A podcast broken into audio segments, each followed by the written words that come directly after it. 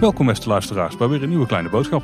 Ja, goedemorgen Paul. Goedemorgen Tim. Ik mag eindelijk weer een keer goedemorgen zeggen, want uh, we zitten weer buiten in het veld. We zijn weer op locatie. We staan uh, eigenlijk voor het hotel van het Loonse Land. Onze luisteraars zullen wel denken, weer Loonse Land. Daar gooien jullie ons uh, echt mee dood. Want we hebben al eerder natuurlijk een rondje door de wereld van de Efteling gemaakt. En een audiotour over het Loonse Land.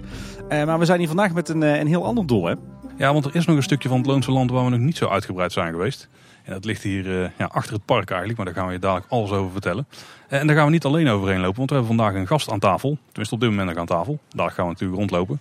Ivo Suutmaier, welkom in Kleine Boodschap. Goedemorgen. Ivo, kan jij uh, onze luisteraars eens vertellen, uh, wie ben je, wat is je achtergrond, wat doe je bij de Efteling? Dat kan ik zeker. nou, mijn naam is Ivo Suutmaier. Ik werk sinds 2011 voor de Efteling als landschapsarchitect en beleidsmanager fysieke leefomgeving. Dat betekent in het kort dat ik eigenlijk twee dingen doe. Enerzijds mag ik uh, de Efteling uh, mooier maken door ontwerpen te maken voor de buitenruimte van Efteling. En in mijn andere rol uh, adviseer ik onze directie op strategisch niveau over alle thema's die in de buitenruimte spelen. Dus dan moet je denken aan natuur, landschap, water en de bereikbaarheid van Efteling. En waarschijnlijk ben je dan ook heel veel bezig met bestemmingsplannen en dergelijke. Dat klopt, dat is een van mijn uh, grootste projecten de afgelopen vijf jaar. Uh, ja, daar hebben we het nog wel eens een keer over gehad. Hè? Dat uh, weet ik. ja. En je zegt dat je sinds 2011 bij de Efteling werkt, als landschapsontwerper dus ook. Kan je eens wat voorbeelden noemen van, van projecten waar wij jou van kunnen kennen in de Efteling? Ja, natuurlijk Loonse Land. Dat is ook waar we vandaag, uh, vandaag zijn. Niet alleen het, uh, het, het, vakantiepark uh, heb ik aan mee mogen ontwerpen, maar ook de hele natuurontwikkeling van het, van het natuurgebied Loonse Land, waar we zo direct de wandeling gaan maken. Bosrijk, fase 2 en 3 heb ik aan mee mogen ontwerpen. maar bijvoorbeeld in het park De Bron, Aquanura. en eigenlijk mijn eerste project was, was Polskeuken. En volgens mij heb je ook zo lang zien komen bij de making-ofs van de Zes Zwanen. Klopt, daar heb ik ook, uh, heb ik ook uh, de buitenruimte mogen, mogen ontwerpen. Ja, Max en Moritz natuurlijk ook. Ook daar uh, heb ik me mee mogen bemoeien. Zoals wij altijd zeggen, het mooiste stukje van Max en Moritz is de landscaping. Dus dit, nou, dat vind ik helemaal niet erg dat jullie dat zeggen. en jij werkt volgens mij bij de afdeling ontwerp, toch? Ja, klopt. Ik werk inmiddels sinds twee jaar bij de afdeling ontwerp. Daarvoor werkte ik voor de afdeling bestuurlijke zaken. maar mijn functie is eigenlijk altijd hetzelfde gebleven. Alleen ik ben uh, met de laatste verandering in het bedrijf ben ik uh, toegevoegd aan de afdeling ontwerp. Omdat het merendeel van mijn tijd besteed ik ook al aan ontwerp. En ja, was het eigenlijk een logische move om, om, om daar, daarbij aan te sluiten. Ja, jij maakt de, de, landschapsontwerpen, maar ik denk voordat het dan uiteindelijk in het veld wordt aangeplant, dan, dan gaat er nog wel een procesje door. Denk, dan zijn er nog wel meer mensen bij betrokken, toch? Ja, dit, is zo dat ik natuurlijk samen met mijn collega's bij de afdeling ontwerp nadenk over van oké, we gaan een nieuwe attractie bouwen. Uh, ja, daar, daar, hoort ook een stukje landscaping bij, het verhaal vertellen. Wat wil je buiten vertellen? Er moeten natuurlijk wachtrijen uh, gemaakt worden. En nou, in dat proces overleg ik natuurlijk met mijn collega's binnen de afdeling ontwerp en de afdeling projecten. Maar ik heb natuurlijk ook nauw contact met mijn collega Mario Dieltjes van de afdeling uh, Planning en Beheer. Om uh, samen te kijken van oké, de keuzes die we nu in het ontwerp maken, zijn dat de juiste keuzes zodat we dat ook in de toekomst daadwerkelijk kunnen onderhouden. Dus er is altijd een, uh, ja, een nauw lijntje tussen Mario en mij. Om in ieder geval, als we een project opleveren, dat we ook weten dat het de juiste keuzes zijn op de juiste plek. Maar tegelijkertijd ook ja, naar de toekomst toe het ook in, in stand kunnen houden. En dus dat is een hele belangrijke, belangrijk lijntje. En daarnaast werk ik nu natuurlijk veel samen met de partij die, uh, die, die het voor ons aanlegt. Uh, en ook daar vindt eigenlijk al heel vroeg in het proces overleg plaats. Van oké, als we deze keuzes maken of we kiezen voor die steensoort. Wat zijn dan de, de voor- en nadelen daarvan? Is dat slim of zou we het anders moeten doen? Uh, dus in dat proces laten we ons ook bij voorkeur adviseren door de partijen waarmee we het maken. En je bent in 2011 bij de Efteling komen werken. Ehm, was de attractieparkenwereld nieuw voor jou? Ja, voor mij wel. In die zin dat ik er natuurlijk wel als, als gast uh, kwam. Maar uh, daarvoor heb ik 15 jaar in de advieswereld rondgelopen bij, uh, bij Nieuwland Advies in Wageningen. En ja, was ik voornamelijk overheden aan het adviseren op het gebied van beheer, onderhoud, inrichting, openbare ruimte en gebiedsontwikkeling. Maar vooral de, ja, de bijzonderheid die ik had, dat ik veel managementervaring had in combinatie met ook ja, vormgevende ervaring uh, was eigenlijk de, de, ja, uiteindelijk de doorslaggevende wens van de Efteling. Of ik uh, alsjeblieft, uh, nou ja, alsjeblieft klinkt een beetje arrogant, maar was wel de wens of ik voor de wilde komen werken. Dus nou ja, ben ik in gesprek geraakt en uiteindelijk heeft dat geleid tot ja, mijn overgang naar de in 2011. volgens mij je ook nog steeds beide, hè? want als je dan kijkt naar het Loonse Land als een groot project, dan zul je op hoofdlijn ook heel erg meedenken. Maar de Zes Zwanen is weer heel klein. Het gaat om een paar honderd vierkante meter misschien en dan ga op detailniveau over op. Ja, nou dat is eigenlijk het unieke. Eh, wat, wat ik vind van de Efteling is dat ik op die twee schaalniveaus uh, mag, mag acteren. Uh, iets wat ik in het verleden bij het adviesbureau eigenlijk minder deed. Zat ik veel meer op de grootschalige projecten, echt de grootschalige ontwikkelingen of grootschalige parken die, die, die, die ontworpen moesten worden. En het leuke bij de Efteling is gewoon dat je met die ja, met beide schalen bezig bent. Dus enerzijds ben je bezig met bestemmingsplannen, meer regionale ontwikkelingen als Landschapspark Pauwels, het Van Gogh Nationaal Park, waar je dan uh, als Efteling ook als partner aan, aan, aan, meewerkt. En tegelijkertijd ben je op de tekentafel bezig om een ontwerp te maken voor de Zes Zwanen, waar, waar natuurlijk veel meer detail in zit. En ik moet ook eerlijk zeggen, die hele kleine ontwerpjes of die hele kleine projecten, dat zijn eigenlijk wel de meest spannende projecten. Omdat je op, in die, ja, op een relatief kleine schaal van een paar vierkante meter moet je wel de juiste snaar raken. Terwijl op het moment dat je een, nou ja, een bosrijk maakt of je maakt een loonse land, ja, dat is allemaal wat grootschaliger. En dan kun je dat detailtje, eh, dat hoeft niet zo, de, ja, zo scherp ontworpen te zijn. Maar bij een sprookje uh, kom je daar niet mee weg als je dat niet goed doet. Ja, ik denk dat de Zes Zwanen daar wel een goed voorbeeld van is. Ik bedoel, daar is de landscaping echt wel een pareltje. Ja, nou de uitdaging was daar vooral, uh, omdat de Zes Zwanen is natuurlijk uh, heel erg een, uh, een sprookje wat vertelt over die bijzondere plek in dat bos. En nou ja, we zaten toch op een plek waar je niet zo heel veel bos had. Dus je moet op een bepaalde manier moest je die open plek in het bos creëren. Dus ja, dan moet je echt wel, nou ja, letterlijk de juiste snaar raken. Wil je dat ook daadwerkelijk aan de, aan de gast of aan de bezoeker meegeven. Nou ja, dat, dat is altijd wel spannend. Want je bedenkt iets op de tekentafel. Je maakt dat dan ook daadwerkelijk uh, met z'n allen buiten waar. Ja, dan is het uiteindelijk altijd weer hopen dat de gast het ook op die manier uh, voelt. En dat het ook op die manier ziet zoals wij dat bedacht hebben. En uh, nou ja, daarom vind ik het ook altijd interessant om zeker zo'n eerste periode... Dus gewoon af en toe daar weer naar binnen te lopen en dan gewoon ergens in een hoekje te gaan staan... en gewoon te beluisteren wat gebeurt er nou daadwerkelijk. En ja, dan ben je kort gezegd altijd wel trots als je dan in ieder geval gasten hoort praten over dingen waar je denkt van ja, zo hadden we het bedacht en zo wordt het dus ook ervaren. Hey, en uh, landscaping uh, in themaparken was voor jou nieuw. Heb, heb, je nou de afgelopen tien jaar dat je bij de Efteling gewerkt hebt, ben je nou daar ook uh, meer naar gaan kijken? Naar landscaping in andere parken, andere attractieparken, andere themaparken? Ja, natuurlijk. Dat, dat gebeurt in die zin onbewust. op het moment dat je vandaag de dag in een ander park rondloopt, dan zijn we gezellig een, een, dagje uit met de familie. Maar papa kijkt altijd naar alles behalve de, de, waar de rest van de familie mee bezig is.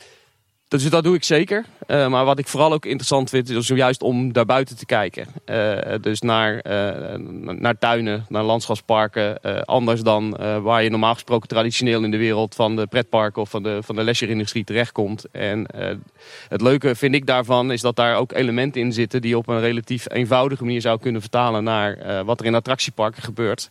Maar wat niet standaard daar gebeurt. En daardoor kun je altijd wel iets anders brengen dan dat je misschien gewend bent bij een attractiepark. Dus ik zeg ook altijd tegen mijn collega's bij ontwerp, die natuurlijk altijd redelijk gefocust zijn op die, op die pretparkwereld. Van jongens, kijk nou eens ook naar andere dingen. En dan uh, zie je dingen die je misschien ja, letterlijk kan toepassen in waar we dagelijks mee bezig zijn. Uh, dus ik, ik vind het zeker voor de Efteling van belang dat, dat, dat, ja, dat, dat we werelden creëren die iets verder gaan dan wat je standaard in de pretparkindustrie ziet en verwacht. Ja, niet, niet alleen maar van die mooi aangeplonte bloemenbedden met viooltjes en een, en een ervoor.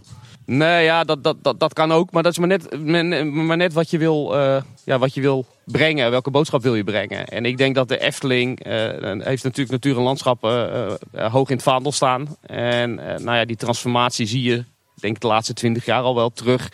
Dat we, dat we echt wel weggaan van ja, de traditionele bloembedjes en alle viooltjes op een rijtje. Naar veel meer natuurlijkere beplantingen waarbij we bij voorkeur nou ja, bollen, bollen, eenjarige vaste planten door elkaar heen mengen. Om eigenlijk het hele jaar door een veel meer natuurlijkere uitstraling te geven aan de traditionele plantvakken die in, die in het park aanwezig zijn.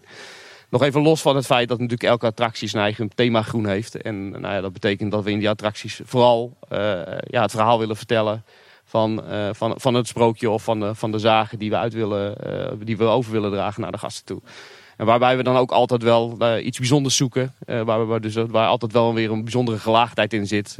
Door bijvoorbeeld een soort te kiezen die weer verwijst naar wat de attractie is. Bijvoorbeeld de waterlelie, Fabiola bij de Indische waterlelies. Ja, wij weten dat de Fabiola heet, die waterlelie. En de normale gast ziet natuurlijk gewoon een waterlelie. Ja. Maar dat soort grapjes proberen eigenlijk in elk project wel een beetje mee te geven. Kunnen we nu eindelijk de vraag stellen wat het verhaal was achter de Servische spar?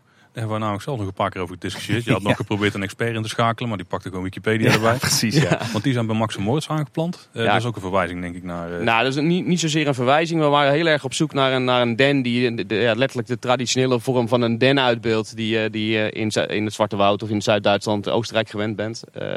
nou, dan, dan is, zijn er eigenlijk een aantal opties die je hebt. En eigenlijk de Servische spar was de spar die de dichtst wat mij betreft in het beeld kwam bij, uh, bij dat traditionele beeld.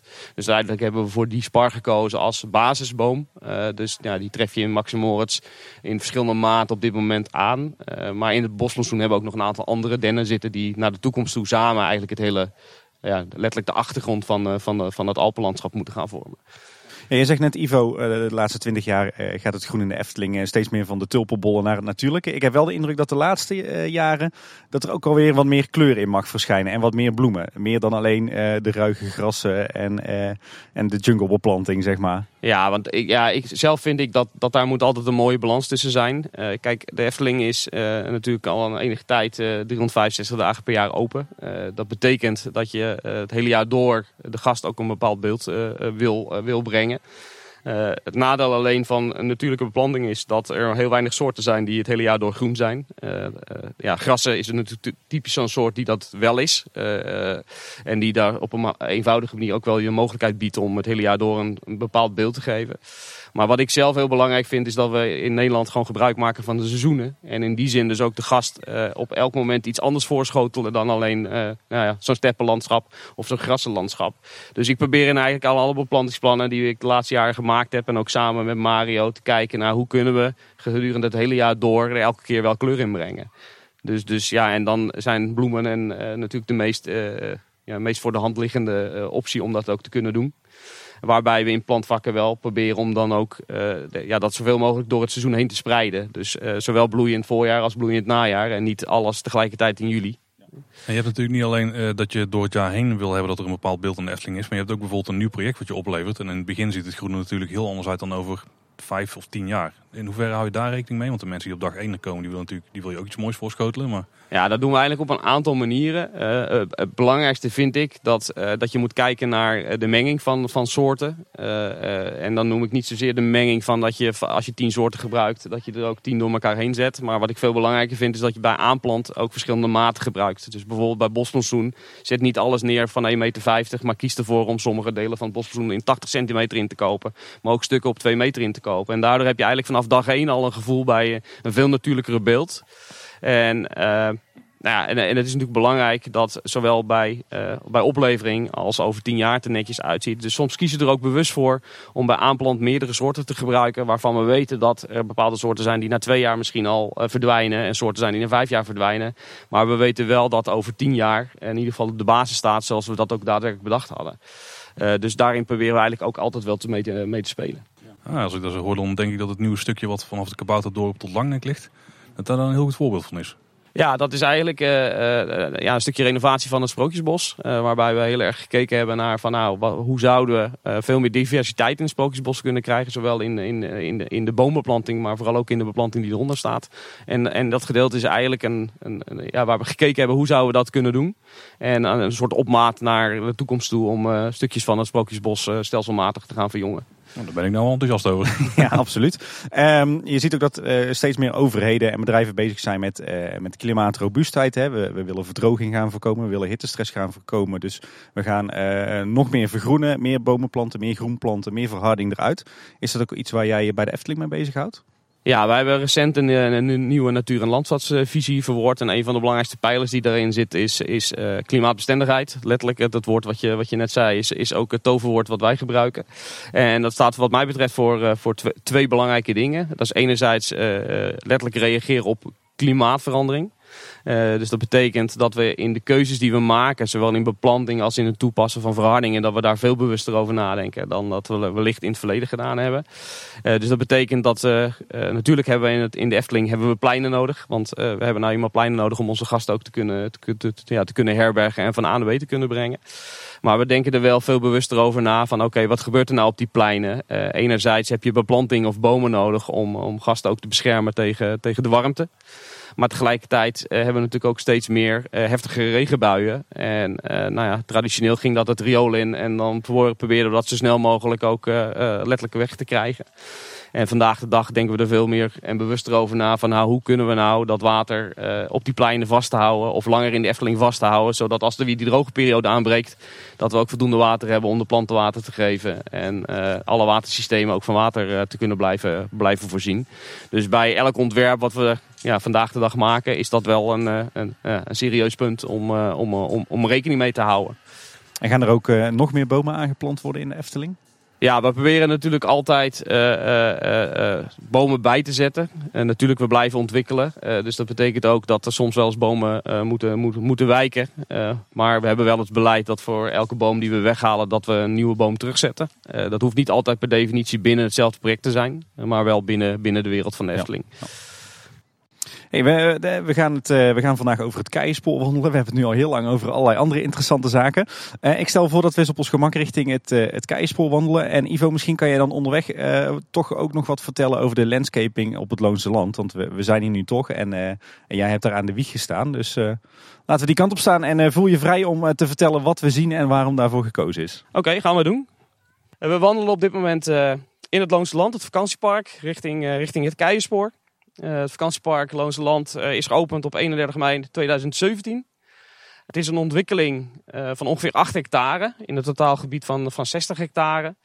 En waarbij we heel erg gekozen hebben om de natuur ja, de basis te laten zijn van het vakantiepark. En in het bijzonder het Brabantse landschap. Dus we hebben ervoor gekozen om drie themagebieden te maken. Uh, die ook staan voor de stadia's uh, van natuurontwikkeling in het Brabantse landschap.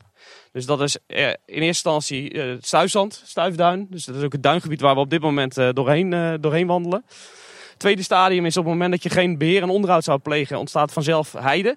En dat is het tweede themagebied wat we hier hebben. En als je aan het heide weer niks zou doen, dan krijg je uiteindelijk bos. En dat is het derde gebied wat we gemaakt hebben. En wat hebben jullie eh, voor keuzes gemaakt qua materialisering? Dus qua groen, eh, qua verharding, qua straatmeubilair? Nou, we hebben er heel, heel erg bewust voor gekozen om in dit gebied ook zoveel mogelijk van, uh, van natuurlijke soorten gebruik te maken. Zowel in, in materialisatie van bijvoorbeeld de bruggen waar je ja, voornamelijk natuurlijk hout tegenkomt. tot halfharding, bij voorkeur bewust in de kleur geel, zodat we meer dat ja, letterlijk het zand van het Brabant daarmee benaderen. En qua uh, vegetatietype hebben we vooral soorten gebruikt die van oorsprong ook gewoon in het gebied voorkomen. Dus we hebben een, uh, ik heb in eerste instantie samen met Mario een, een voorselectie gedaan aan soorten. En dan, daarna zijn we in gesprek gegaan met Natuurmonumenten, een van onze partners bij de ontwikkeling van, van dit, dit, dit, dit gedeelte van, van ons park. En hebben we gezamenlijk bewust gekozen en ook die plantenlijst doorgenomen. Van ja, klopt dat ook ten opzichte van je, wat je van oorsprong in die verschillende vegetatietypes tegenkomt. En ja, en dat hebben we uiteindelijk aangeplant. Nou is ook later in het project een uh, uitkijktoren verschenen. Was die ook om het gebied te laten zien? Want die kwam pas heel laat volgens mij, uh, kwam daar een aanvraag voor.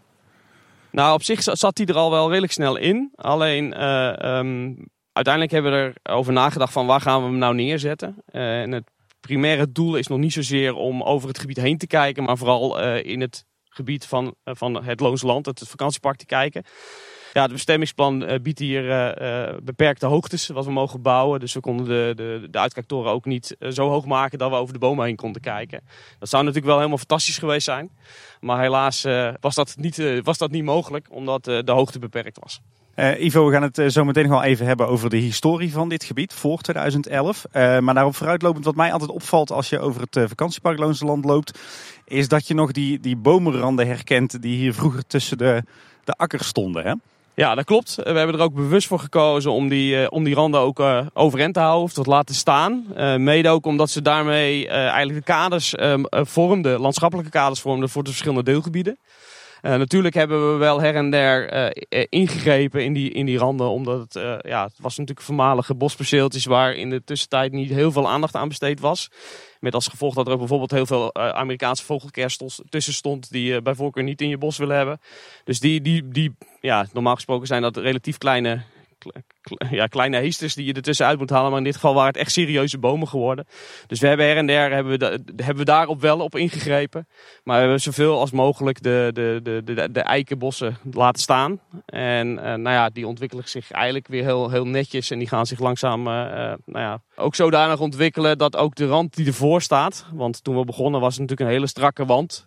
Maar doordat we vooral aan de randen ook de, afgelopen jaren bosverzoen bijgeplant hebben, krijg je straks een veel natuurlijkere overgang vanuit het vakantiepark richting, richting de bospercelen. En jullie hebben ook veel waterpartijen aangelegd. Een element dat hier van oorsprong niet aanwezig was in dit gebied. Hè? waarom hebben jullie dat gedaan? Eigenlijk om twee redenen. Enerzijds vind ik zelf dat, dat water een hele belangrijke rol speelt bij beleving. Uh, en het andere aspect is dat we graag water, waterspelen zouden willen toevoegen aan, aan, aan, als, als attractie aan dit, aan dit deel of aan dit vakantiepark.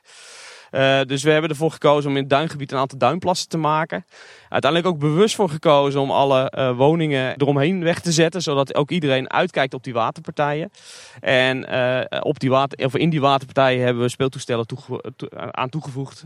zodat als het maar eventjes het weer toelaat, dan spelen heel veel kinderen daar. Tegelijkertijd maakt het watersysteem onderdeel uit van het totale watersysteem van de Efteling. Uh, het zogenoemde klaterwatersysteem. Zodat we uh, ook elke dag uh, ja, letterlijk al het water kunnen blijven verversen. Dus er is ook gewoon stroming, waardoor het dus ook veilig is om in te kunnen spelen. Want dat is dan vaak een tweede vraag die je krijgt van ja, jullie hebben daar water, maar is dat dan wel veilig? Ja, dat is veilig, omdat we het ja, letterlijk elke dag gewoon door laten stromen. Paul en ik hebben hier een keer een, een audiotour gelopen in de winter. toen begon het ook te schemeren. Toen viel het ons ook op dat het, dat het Loonsland heel erg terughoudend, sfeervol verlicht is. Een beetje spooky, misschien wel een beetje duister. Ja, ook dat is, uh, dat is een bewuste keuze destijds geweest. Uh, uh, nou ja, wat ik, wat ik net al zei, uh, Loonsland is, is, is een natuurgebied. dus dat geldt ook letterlijk voor wat wij in het vakantiepark gedaan hebben. En wat daarbij hoort is natuurlijk ook een stukje beleving. waarbij je ja, letterlijk minimaal verlicht. Natuurlijk wel het verlichtingsniveau wat je moet halen om, om gasten veilig van een, van een huisje naar, naar, naar het hotel te kunnen krijgen of andersom. Maar bij voorkeur niet alles in de stadionverlichting zetten. mede is dat natuurlijk ook belangrijk voor, voor de dieren die hier aanwezig zijn. Uh, want bij voorkeur uh, wil je eigenlijk geen licht hebben als het gaat over ja, wat is beter voor de dieren. En hier hebben we eigenlijk naar een hele mooie balans gezocht. En voor mijn gevoel hebben jullie ook bewust bij het Loonse Land voor een hele andere uitstraling en landscaping gekozen dan we bijvoorbeeld in Bosrijk zien.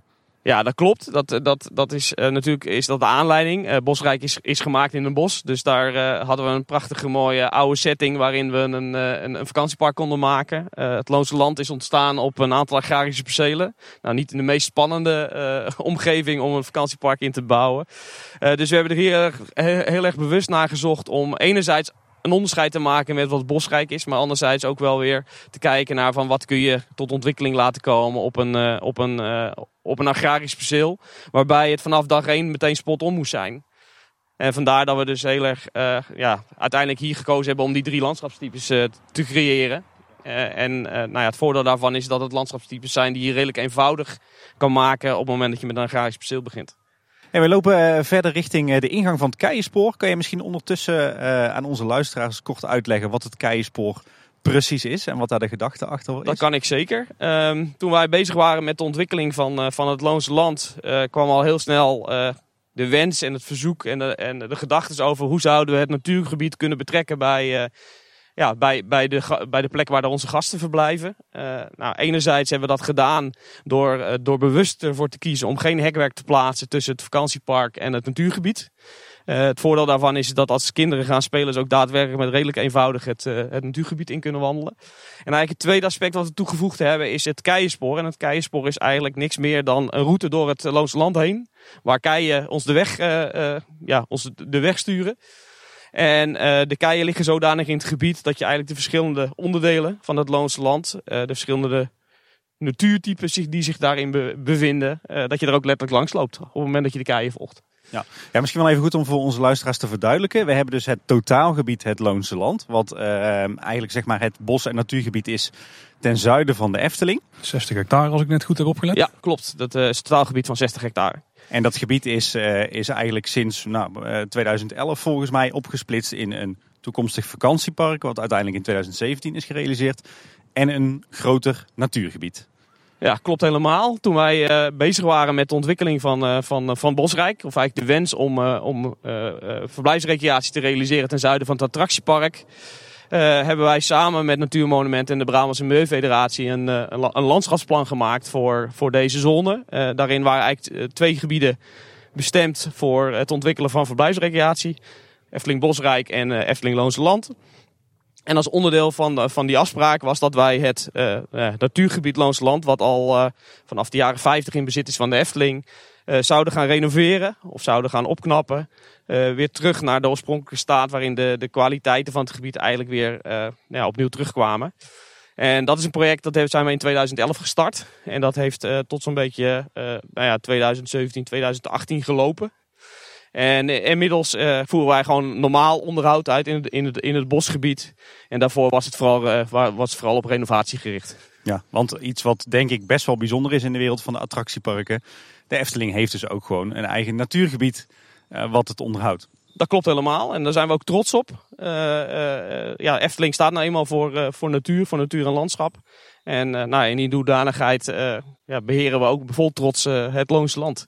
We zijn inmiddels aangekomen bij de ingang van, van het Keispoor. Paul, kan jij misschien onze luisteraars uitleggen hoe dat je hier nou komt? Want dit is een, een vrij toegankelijk, toegankelijke route. Hè? Dus onze luisteraars kunnen ook, ongeacht wat voor kaartjes ze wel of niet hebben... of welk jaargetijden het is, hier een, hier een wandeling maken. Ik denk dat de makkelijkste manier om uit te leggen hoe je er komt, is als je bij het Loonse Landhotel staat. Dus als je via het Loonse Land ingang komt, want er zijn meerdere ingangen natuurlijk naar het gebied. En je kijkt een beetje het park in, dan zie je ergens achterin een hoek, daar, tenminste het lijkt een hoek, daar zie je wat boomhutten staan. Dus huisjes die op palen staan tussen de bomen, die kun je zien vanaf het hotel volgens mij. En als je naar die kant op loopt en je blijft een beetje rechts daarvan en je volgt het onverharde pad wat daar naar achter loopt, dan zie je al waarschijnlijk tussen de bomen een beetje een, een grote steen liggen met erop een soort cirkel en een icoontje erin. Maar wat er dan vanaf een afstand is, is nog niet zo heel duidelijk. We staan er inmiddels naast. Overigens ook nog een andere ingang en die is vanuit het uh, oosten. En dan ga je vanaf de Horsten, daar heb je een soort ja, parkeerstrook. Kun je gaan staan en dan kun je vanaf daar via een, volgens mij een hek kun je dan het gebied betreden. Klopt helemaal. Daar sta, vanaf, de, vanaf, vanaf de Horst kun je eigenlijk op twee plekken het gebied inlopen. Moet je wel, denk ik, even ietsje verder zoeken om de eerste steen ook daadwerkelijk te vinden. Maar uh, ook vanaf die kant kun je het gebied, kun je het gebied betreden. Ja, wat dan denk ik het makkelijk is om uit te leggen is, eh, stel dat je dat inderdaad wil, dus je, zet niet, je kan niet je auto eh, neerzetten bij vakantiepark het maar je wil het gewoon vanaf de Horst benaderen, is dat je naar de Efteling rijdt, je houdt de Efteling Resorts aan, dan rij je om het hotel heen. Je rij je over een nieuw stukje Horst. Nou, als kleine boodschapluisteraar moet je het natuurlijk fantastisch vinden, want daar gaat het iedere aflevering wel een keer over. Uh, en dan rij je verder richting het zuiden, richting Tilburg, over een stukje uh, van de oude Horst. En dan heb je op een gegeven moment aan je linkerhand het oude café de Efteling dan moet je net wat verder doorrijden en dan heb je aan je rechterhand een, uh, wat parkeerhavens uh, aan de weg liggen. Daar kan je je auto neerzetten. En als je dan nog wat meer naar het zuiden loopt, dus nog wat meer richting Loon op Zand Tilburg, dan heb je rechts in het bos een paadje met een looppoortje in het wildraster. En als je daar nou het gebied binnen gaat, dan heb je na, nou wat zal het zijn, 100 meter lopen aan je linkerhand de eerste kei die je dan, waar je de route kan oppakken. En als je dan met kinderen loopt, dan is het heel tof om uh, bij het Loonse Landhotel bij de receptie een plattegrondje te halen. Of in ieder geval is het niet echt een plattegrondje, meer een soort uh, afvinklijst. En daar staan alle icoontjes op de stenen, die staan erop. En dan kun je met de kinderen die uh, afvinken. En als je ze allemaal hebt gehad, dan heb je al de route gelopen. Precies. En als je nou een wandeling over het Keienspoor combineert met een kopje koffie en een lunch bij het Loonse Land en wat spelen in de diverse waterspeeltuinen, dan kan je er ook een leuke dag weg van maken. Hey Ivo, we staan dus bij de ingang. Ik zie hier een grote kei liggen met, uh, ja wat is het? Volgens mij een vos hè, die, er, uh, die erin is gefreesd. En er zit ook een bordje bij uh, dat het keienspoor is aangeboden door, nou volgens mij een heel aantal aannemers en adviesbureaus. Hoe zit dat? Ja, dat klopt helemaal. wij waren bezig met, met de bouw van, van Efteling Loonse Land. En de aannemers die daarbij betrokken waren, die wilden de Efteling graag een cadeau geven ter ere van haar 65 verjaardag. Dat is ook het moment waarop het vakantiepark geopend is. En als Efteling uh, hadden we zoiets van, ja, kunnen we iets bedenken wat uh, ook direct uh, voor onze gasten iets betekent. En uiteindelijk, toen we het daarover met z'n allen over hadden, kwam de wens om, om iets te gaan doen in het Loonse Land. En uiteindelijk hebben de verschillende aannemers en de verschillende adviesbureaus die ook op het plakketten staan, ervoor gezorgd dat de keien ook daadwerkelijk in het gebied terechtgekomen zijn. Ik zie inderdaad heel veel bedrijfsnamen die we heel vaak in de Efteling zien terugkomen op bouwfoto's en in making-ofs. Klopt helemaal. En uh, ja, dit zijn dus ook letterlijk de partijen die samen met ons uh, onder andere het Loonsland gebouwd hebben. Hey, laten we de wandeling beginnen. En uh, Ivo, als jij zo vrij zou willen zijn om onze luisteraars ondertussen wat te vertellen over de historie van dit gebied. nou, misschien zelfs wel van voor 1950, voordat het eigendom van de Efteling was. dan zouden we dat zeer waarderen. Nou, dat kan ik zeker. En ja, als we, als we teruggaan naar de historie van het gebied, dan kunnen we zo'n beetje beginnen in de middeleeuwen. Eigenlijk voor die tijd was ongeveer deze hele, omgeving en ook het gebied waar waar het Loonse Land ligt, uh, nog wat ze zo mooi noemen woeste grond. Met andere woorden, grond die nog niet in gebruik genomen was door de mens. Grote delen van, van het westen van, van, van Kaatsheuvel was zelfs nog, nog veen. er lag een paar meter, paar meter dik veen op. dat is op een gegeven moment is de mens dat gaan ontginnen. Nou ja, zo een beetje rond 1650, 1700 ja, was dat zo'n beetje gereed. En eh, ontstond al langzaam het landschap wat we vandaag de dag, eh, vandaag de dag kennen. Belangrijke onderdelen die nog wel terugherkenbaar zijn daar van die tijd zijn natuurlijk de turfvaarten. In dit deel van het gebied eh, nog op sommige plekken aanwezig zijn. Maar voor het Loonse Land betekende het eigenlijk zo'n beetje rond 1800 dat de eerste mensen zich in dit gebied gingen vestigen. En dan in het bijzonder langs de Eftelingse straat. Daar lag ook het, het geruchtje, de Efteling. Uh, en dat bestond eigenlijk uit een aantal boerderijen. En die boerderijen hadden uh, om erbij woongebouw uh, een aantal kleine akkertjes liggen. niet vergelijkbaar met vandaag de dag zoals wij akkers kennen bij grote boerenbedrijven waar echt hectares aan grond liggen. Maar gewoon een, een paar honderd vierkante meter rondom, rondom de boerderij. Waar ze nou ja, primair hun eigen voedsel verbouwden. Uh, daarvoor hadden ze een stukje vee. Dat vee liep op de heidegebieden die, uh, ja, die letterlijk in het Loonse land aan de zuidkant uh, lagen. het vee en de mest daarvan die gebruikten ze om uiteindelijk de, de akkers te kunnen bemesten. En in het beginsel werden daar ja, landbouwgewassen opgeteeld. Op een gegeven moment, en dan praat ik over de periode denk ik zo'n beetje tussen 1850 en 1900, merkte men dat ja, de gronden in Brabant nou eenmaal niet zo heel erg voedselrijk zijn. En uh, uiteindelijk koos men ervoor om uh, op de percelen eikenbossen aan te gaan planten. Uh, want ja, de leerindustrie kwam op in, in deze kontrijen. En het, het looisuur wat zich in de bas van de eik bevond, ja, leverde uiteindelijk meer op dan, dan het telen van landbouwgewassen. Dus in die periode zie je eigenlijk heel langzaam dat dat landschap waar we nu vandaag de dag in lopen, dat dat transformeert naar veel meer bosgrond. In eerste instantie dus die eikenbomen. En eigenlijk uh, zo'n beetje rond 1900 zie je dat die de leerlooierij in deze regio een beetje terugvalt. En uh, kiest men ervoor om een aantal percelen ook daadwerkelijk te vullen met, uh, met naaldhout. En naaldhout is eigenlijk primair gebruikt in de mijnbouw om de mijngangen te mee te stutten. Want het voordeel van, van, ja, van naaldhout ten opzichte van andere houtsoorten is dat naaldhout is gedraaid. Heeft een gedraaide kern. En dat heeft als voordeel op het moment dat je dat in de mijnbouw gebruikt dat het niet meteen instort, maar dat het eerst begint te kraken. Dat is handig. En uh, nou ja, dat bood de mijnwerkers de mogelijkheid om toch op tijd nog te vluchten uit de mijngang als die op instorten stond. Daarnaast werd, uh, werd het naaldhout ook gebruikt voor de, voor de papierindustrie. En eigenlijk op het moment dat die transformatie plaatsvindt van eikenhout naar naaldhout, zie je ook dat de laatste boeren langs de Eftelingse straat vertrekken. En eigenlijk het gerucht Efteling uh, langzaam ja, verdwijnt. toen wij het Loonse Land gingen maken, hebben we voordat we gingen bouwen uh, uitgebreid archeologisch onderzoek gedaan.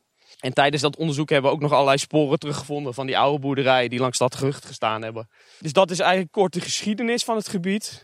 Ja, zo, zo, tussen 1900 en 1950 uh, komt het uh, gebied in eigendom van, van de familie Mombers. dat was een, een, een rijke leerlooienfamilie uit, uit Waalwijk. En zij bezaten eigenlijk heel veel gronden in deze, in deze regio. En Frans Mombers die had de wens om één grote aaneengesloten natuurgebied uh, te realiseren in dit deel van, uh, van Brabant. Daarmee was hij zijn tijd uh, eigenlijk wel vooruit. Zeker, daar was hij zeker zijn tijd mee vooruit. hij had dus ook grote delen van wat nu de Loons en Duinen zijn in bezit. En op een gegeven moment besloot hij om, om het grootste deel van zijn gronden ook daadwerkelijk aan natuurmonumenten te verkopen. die nog steeds nou ja, een groot deel van, de, van de Loons en Drunes Duinen in, in, in bezit of in gebruik heeft. Ehm, en uiteindelijk besloot hij ook om een deel van de gronden aan de Efteling te verkopen. En dat is uh, ja, letterlijk het Loonse Land waar wij nu lopen. Recent hebben wij als Efteling besloten om een deel van het Loonse Land uh, te verkopen aan natuurmonumenten. En dat hebben we gedaan omdat we vinden dat de, de natuurlijke waarden van het gebied ook naar de toekomst toe uh, gehandhaafd moeten blijven. Dat zorgde heeft ervoor gezorgd dat we een, een deel van het gebied onlangs aan natuurmonumenten overgedaan hebben. En heb jij het dan over het, uh, het gebied ten zuiden, van het, ten zuiden van het hooispoor? Of is er inmiddels nog meer verkocht? Nee, er is inmiddels meer verkocht. Oké. Uh, dus, dus van de 60 hectare waar we het over hebben, is, is, is een deel verkocht aan natuurmonumenten. Om daarmee voor de toekomst te borgen dat het altijd natuur zal blijven hier. Oké, nou dan moet je dadelijk uh, tijdens onze wandeling maar eens aanwijzen welk gedeelte dat dan is. Want daar zijn we natuurlijk wel benieuwd naar. misschien voor onze luisteraars die met ons meelopen. je vraagt je misschien af van hoe, hoe moet ik nou lopen? want wij zijn ondertussen natuurlijk gewoon de route al ingelopen. je moet eigenlijk gewoon de zandpaden volgen die in het gebied liggen. En af en toe op een, een kruising van wegen vind je ergens een kei. Uh, af en toe is het goed zoeken, maar ja, dat is natuurlijk ook wel weer de, de uitdaging. En dan moet je het pad inlopen waar de kei langs ligt. Nou, we zijn net begonnen met uh, de kei met een vos erop. Inmiddels ook een kei met volgens mij een konijn gepasseerd. Volgens mij, ja, je hebt een konijn en een haas, dus ik heb niet goed opgelet. Ik moet eerlijk zeggen, ik was zo druk aan het praten dat ik het ook niet meer weet. Nou goed, het is dus vooral een kwestie van uh, de keien volgen. En als je met de kids bent, dan kun je natuurlijk dat, uh, dat afvinklijstje waar Paul het over had uh, afvinken. En zo kan je deze route lopen terwijl je naar, naar Ivo en ons luistert. Ja, en ik zeg het leuke is dat dus elke kei ook een ander diersoort heeft. Dus uh, het is niet alleen het, het, lijstje afvinken dat je de verschillende keien gezien hebt. Maar het is vooral ook leuk om van het ene diersoort naar het andere diersoort uh, te rennen. En in die zin is het een beetje vergelijkbaar met wat we in het Sprookjesbos doen. Waar je om elke hoek een, een sprookje tegenkomt. Hebben we hier om elke hoek ongeveer een kei liggen. Dus de kinderen kunnen langzaam vooruit rennen. En uiteindelijk ook gewoon bij een kei stoppen. En uiteindelijk kan daarna samen met de ouders de weg weer vervolgd worden.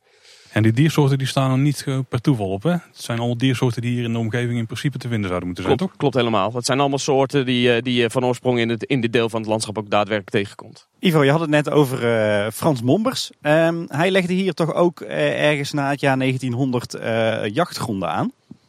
Ja, nou ja, in die zin, meneer Mombers die had als hobby dat hij graag jaagde. Ze hebben mij ook verteld dat, dat, dat, dat, dat hij op zich een een, een luie jager was, zoals dat zo mooi heet. en eh, hier in het gebied hebben we het Mombusbosje. Dat is eigenlijk een, eh, een, een, eh, voormalig beukenbosje wat uh, aan, de, aan de kant van de, van de Horst ligt. En uh, het leuke van, van beukenbossen is, is dat uh, om de beuken eigenlijk niks groeit. Dus meneer Mombers, die jaagde bij voorkeur aan de rand van zijn beukenbos. Want dan kon hij namelijk makkelijk uh, datgene wat voorbij kwam ook daadwerkelijk schieten. Ik weet niet of het waar is, maar dat is in ieder geval wat ze mij ooit verteld hebben. En ik, ja, ik vind het altijd wel een mooi verhaal, dus vandaar dat ik het ook graag met jullie wil delen. ja, precies.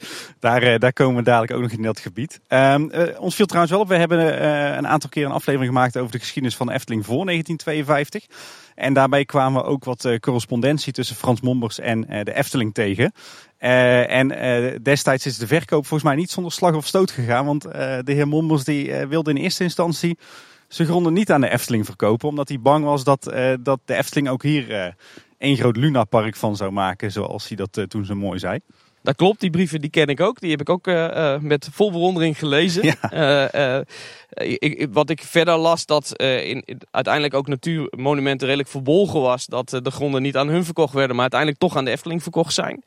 En uh, ik denk dat destijds doorslaggevend geweest is dat men uh, meneer Mommers er toch van heeft kunnen overtuigen dat wat betreft de Efteling niet altijd alles Luna Park hoeft te zijn, maar dat de natuur en landschap ook een belangrijke, uh, ja, belangrijk aspect van de wereld van de Efteling is. En ik denk dat zeker nu in 2020 dat we dat nog steeds voor ogen hebben. Dat er een, een mooie combinatie moet zijn tussen ja, natuur, natuurontwikkeling en uiteindelijk ja, het exporteren van een attractiepark. Uh, we lopen hier nu volgens mij uh, echt wel zo'n dennenbos, hè? een bos met naaldhout, wat was aangeplant voor de mijnindustrie.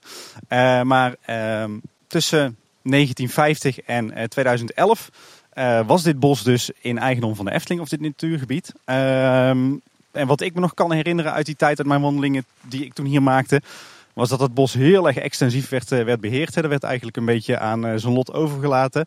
Uh, en in dat bos vond je overal akkers die, uh, die uh, flink werden geëxploiteerd. Waar de mais hoog op stond, waar, waar flink wat mest op werd gegooid. dat was een beetje het gebruik van dit natuurgebied tussen pak een beetje 1950 en 2011. Hè? Ja, klopt helemaal. Dat is ook toen ik bij de Efteling begon in 2011, wat ik ook in dit gebied aantrof. toen waren wel al de plannen gemaakt om het gebied te, gaan, te gaan herstellen. Nou, een van de eerste acties die we gedaan hebben is die akkers uh, om daar uh, meteen het mais van af te halen. Eigenlijk vanaf dat moment worden de tar verschillende tarwewassen geteeld. Bij voorkeur ook gewassen die van oorsprong in deze regio thuis hoorden. Dus we proberen daar wel naar, naar oudere soorten ook te grijpen of te gebruiken, toe te passen. Maar wat nog veel belangrijker is, is dat we eigenlijk alle bospercelen die we hebben, die zijn we gaan, gaan, gaan dunnen. Want ja, die, die, die, die tussenliggende 50 jaar was natuurlijk heel veel, uh, ja, letterlijk heel veel bomen op een, op een vierkante meter. Natuurlijk ook heel logisch, omdat het bos destijds met de intentie was aangeplant om er als productiebos. Nou, gebruikelijk bij productiebos is dat je meer, uh, ja, meer soorten per vierkante meter wegzet dan, of per hectare wegzet dan dat je dat in een normaal bos zou doen. En in een normaal bos zou je ook gewoon ingrijpen. En dus eh, om de zoveel tijd bomen ertussen uit te halen. Om de andere bomen meer ontwikkelingskansen te geven. En dat is in die 50 jaar hier niet gebeurd. Uh, dus uh, een belangrijke beheermaatregel die we in de eerste periode gedaan hebben. Is al die bossen zijn we gaan dunnen. Zoals dat in, het, in vaktermen heet. En het voordeel daarvan is dat we gewoon weer licht op de bodem kregen. Want op het moment dat je uh, toen hier rondliep, zag je ook voornamelijk bomen en bijna geen, geen onderbeplanting. En, en nou ja, we staan hier toevallig bij een perceel uh, wat ook een dennenperceel was. Waarin we uh, redelijk in een van de eerste jaren ook gedund hebben. Ja, en dan kijken we nu alweer aan tegen, nou ja, tegen heesters en struiken die uh, twee keer zo hoog zijn als dat we zelf zijn. Ja. Dus, dus de natuurontwikkeling doet zijn best hier. Ja, dit is echt beide keien met de eend erop. Dus als je dan achter je kijkt, dan, dan zie je dat perceeltje. Ja. Het is wel een mooi stukje, want volgens mij kijken we weer en naar een stuk van de Beukenbos. En we kijken net door de bomen over de heide heen. Hier hebben we allerlei stukjes van het Loonsland bij elkaar. Ja, eigenlijk alle, alle verschillende natuurtypen die je in het Loonse land tegenkomt, die kun je eigenlijk hier wel een beetje overzien. Uh, zoals je zegt, we staan hier op de rand van, van wat percelen zijn waar, waar naaldhout op staat. We kijken door de bomen heen op het, op het heidegebied. Eigenlijk een gebied wat van oorsprong niet aanwezig was. Heel lang geleden was het onderdeel van die woeste gronden. Maar toen wij hier in 2011 aan de slag gingen, was het allemaal gewoon nog bos. Uiteindelijk hebben we ervoor gekozen om een, groot, om een gedeelte van het bos ook daadwerkelijk te kappen. Uh, dat hebben we gedaan. Uh, op een aantal strategische plekken hebben we bomen laten staan, zodat we nog een aantal boomgroepen op de heide hebben staan. Zoals je dat ook op andere heides in Brabant uh, ook daadwerkelijk ziet. Ehm, we hebben de toplaag van het bos hebben eraf gehaald. en waarom hebben we dat gedaan? Omdat daar voornamelijk de zaden in zitten die weer ervoor zouden zorgen dat er daadwerkelijk weer bos zou ontstaan. Dus we hebben die hele toplaag hebben eraf geschraapt. Die hebben we gebruikt om op andere plekken in het bos de grond weer te, te verbeteren. En uh, we hebben uiteindelijk in samenwerking met Natuurmonumenten hebben we uh, mullig. En mullig is uh, letterlijk een haksel, dus het, het, het fijn gehakte materiaal gebruikt wat Natuurmonumenten van de Loons en Drunesduinen gehaald heeft. En waarom? Omdat zij waren er op dat moment bezig om de heidegronden weer om te zetten naar stuifzand. En uh, dat materiaal wat ze daar afgehaald hebben, hebben we hier er weer opgestrooid. Uh, want wij hadden in eerste instantie het idee van we hebben uh, tussen ongeveer 10 jaar nodig om van zandgrond weer naar heidegrond te komen. En uiteindelijk is het ons gelukt om in binnen drie, misschien wel vier jaar uiteindelijk al heide te krijgen. Doordat we die techniek gebruikt hebben door materiaal van, het Loons, uh, van de Loons en Drunesduinen te gebruiken. Uh, als, ik het goed, uh, als ik me goed herinner van mijn wandelingen hier, dan komen we dadelijk ook over de heide. Dus als we daar zijn, dan gaan we er wat meer over vertellen. Laat... Ja, we wandelen rustig door. En dan wandelen we eigenlijk iets, richting eigenlijk iets heel bijzonders. Iets wat je niet, niet zo gebruikelijk is in, in dit deel van Brabant. Uh, en dat zijn uh, beuken op zandgrond. Uh, meneer, Bo meneer Mombers die had een fascinatie voor de landgoederen zoals die in Oost-Nederland aanwezig waren. En wat je op die landgoederen ziet zijn ja, letterlijk statige beukenlanen, mooie beukenbossen. En nou ja, dat heeft hij ook uh, in dit deel van, uh, van het Loonse Land toegepast. En dat is voornamelijk het, uh, aan de oostzijde van het oostelijk gedeelte van het Loonse Land. Als je op de plattegrond kijkt, dan zie je ook dat het oostelijke deel van het Loonse Land meer een, staat, meer een statigere vorm heeft qua, qua padenstructuren, qua verkaveling dan het gedeelte wat meer naar het westen toe, toe ligt. En dat heeft ook te maken met het feit dat zijn ja, een soort vakantiehuisje uh, stond ook aan de rand van de Horst. Uh, en daar vandaan uh, is hij eigenlijk zijn, zijn gaan opbouwen. En zo vind je dus nog drie of vier van die hele statige lanen.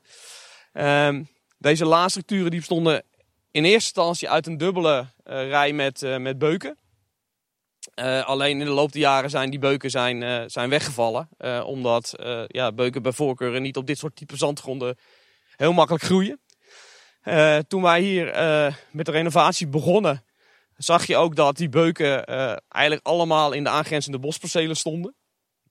dus we hebben ervoor gekozen om heel langzaam tussen de beukenlanen en het bos wat ernaast ligt her en der bomen tussenuit te halen. En waarom hebben we dat langzaam gedaan? Omdat de beuken nou eenmaal niet zo van de zon houden. Dus op het moment dat je heel rigoureus de, de, de, de, de aangrenzende percelen zou terugzetten, dan kwamen de, kwamen de beuken vol in de zon te staan. En dan zouden ze letterlijk verbranden. Door langzaam bomen weg te halen, kan hij er langzaam aan wennen. En wat je vooral ziet, is dat hij dan ook dat bladerdek wat aan die kant zit, die gaat hij gebruiken om zichzelf tegen de zon te beschermen. En ja, we lopen hier nu langs een van die lanen en dan zie je ook dat de takkenstructuren van aan de buitenkant ook langzaam naar de grond toe buigen. En dat doet hij om zich, ja, om zich letterlijk tegen die zon te beschermen. Omdat hij heeft nooit in de zon gestaan, want er stond al tientallen jaren stonden de bomen er stijf tegenaan. Ja, dit is wel een heel mooi plekje hoor. Inderdaad, eh, die statige beukenlanen. Ik zie heel veel varens inderdaad eh, op de grond ook.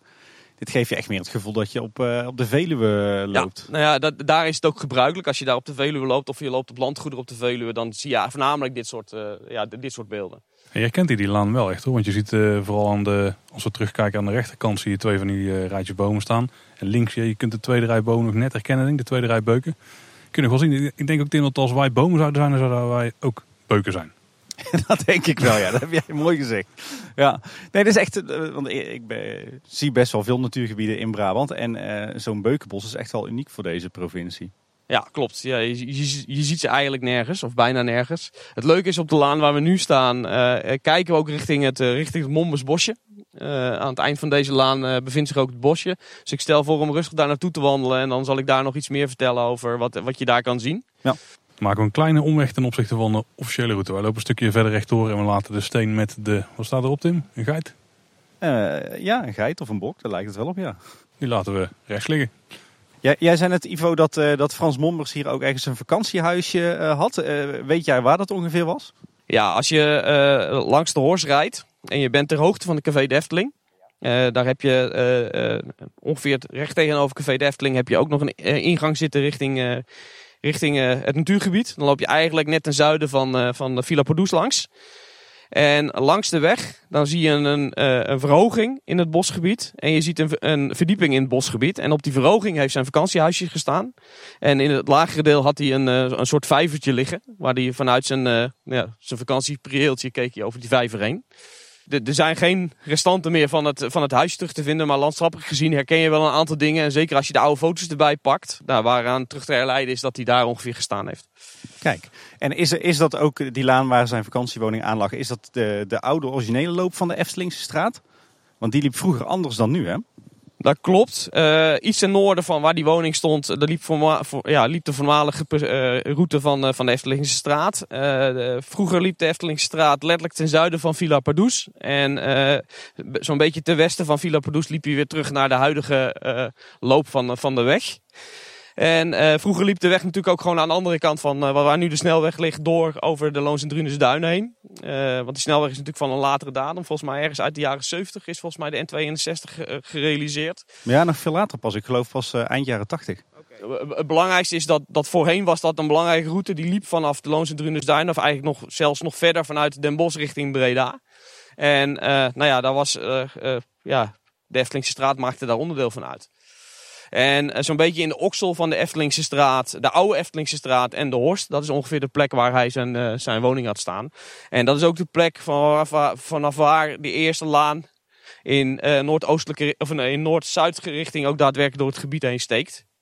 En uh, die ligt weer parallel aan het, aan het waar we nu naartoe wandelen. Uh, voordat we bij het Mommelsbosje aan, uh, aankomen, Ivo, wil ik toch kijken of jij een ander mysterie voor ons op kan lossen. Want wij hebben het vaak over het Duits bosje. Het bosje zeg maar tussen vak KLM uh, en Bosrijk en Theater Fietsenstalling. We, weet jij nou eigenlijk waarom dat, dat gebied in de volksmond het Duits bosje heet? Het enige wat ik weet is dat aan de, eigenlijk aan de overkant van de N62 lag een voormalig Duits munitiedepot uit de Tweede Wereldoorlog. En vanuit dat gebied lag er een soort vo voorlinie richting, meer richting het westen. En ik zou me kunnen voorstellen dat het Duits bosje daar zijn naam aan van gekregen heeft. Omdat daar ook de, daadwerkelijk de Duitsers gelegerd zijn geweest. Maar ik durf dat niet met zekerheid te zeggen. Kijk, dat is uh, oh, weer een nieuwe uh, mogelijke verklaring van waarom het zo heet. Dan blijft het een mysterie. Dus ik denk nog wel dat het vooral in de volksmond uh, die, die naam gekregen ja. heeft. Maar ook wij gebruiken nog da steeds vandaag de dag de naam Duits Bosje. En iedereen weet ook waar het over gaat. Ja, precies. Daar, daar volgen wij jullie in. Hey, we, we, zijn inmiddels volgens mij aangekomen bij het bosje van Mombers, hè? Ja, klopt. dus, dus het Mombersbos, zoals, wij, zoals dit gebied ook daadwerkelijk heet... is eigenlijk een verzameling van, van, van beukenbomen. wat ik net al zei, eigenlijk een gebiedje wat ogenschijnlijk erg kaal is. Want er groeit dus niks onder een, beuk, onder een beuk. Maar het grappige wat je hier kan zien is als je heel goed kijkt, dan zie je her en der gaten in de beuken zitten. En dat zijn eigenlijk nesten van vleermuizen. Uh, dus oh, dit gebiedje is heel waardevol voor de vleermuis. En uh, dat kun je ook zien op de stammen. Dat je vaak heb je onder die, uh, onder die gaatjes die erin zitten, heb je nou ja, letterlijk strontsporen zitten. Mm -hmm. en ja, die tonen ook aan dat er daadwerkelijk vleermuizen in die holtes aanwezig zijn. Dus op het moment dat je hier in, ja, bij schemering komt of bij zonsopgang, dan is het een, een wilderig aan- en afvliegen van, van, van vleermuizen. En nou vanuit die hoedanigheid is dit dus ook een bijzonder gebied als het gaat over verblijfplaatsen van, van, van, de, van de vleermuis. Uh, wat je wel ziet is uh, dat je hier langzaam een stukje aftakeling ziet van de beuken. En nou ja, dat, dat, dat is gewoon een natuurlijk proces. Die, die beuken halen een bepaalde leeftijd op, de, op de, deze type gronden. En dat betekent ook dat er her en der af en toe eens één tussenuit zal, zal vallen. Ja, voor, voor mij is dit een van de favoriete plekjes in, in het natuurgebied Loonse Land en ook langs het Keienspoor. en hiervoor zien we ook volgens mij nog iets bijzonders liggen. Hè? Ja, in het gebied lagen een aantal, of liggen nog een aantal restanten van wat ze in de volksmond holle wegen noemen. Mm en uh, er is een combinatie van, als, als we hier staan, zie je nog een stukje oud, oud, oud tracé holle weg lopen. en, um, en een verlaagde watergangweg uh, die, uh, die eigenlijk parallel aan het Duits bosje loopt.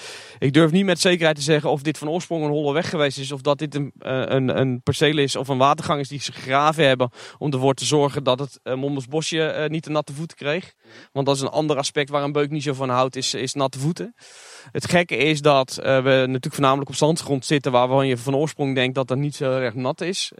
zo bevinden zich in dit bos toch wel een aantal perceeltjes waar, waar eigenlijk wel heel vochtig was. Uh, en daar wandelen we straks ook nog langs. Zo zijn er nog een aantal rabatbosjes, zoals dat zo mooi heet. Mm -hmm. Dat zijn uh, uh, ja, letterlijk bosjes waar je kleine zandruggetjes hebt met greppels ernaast.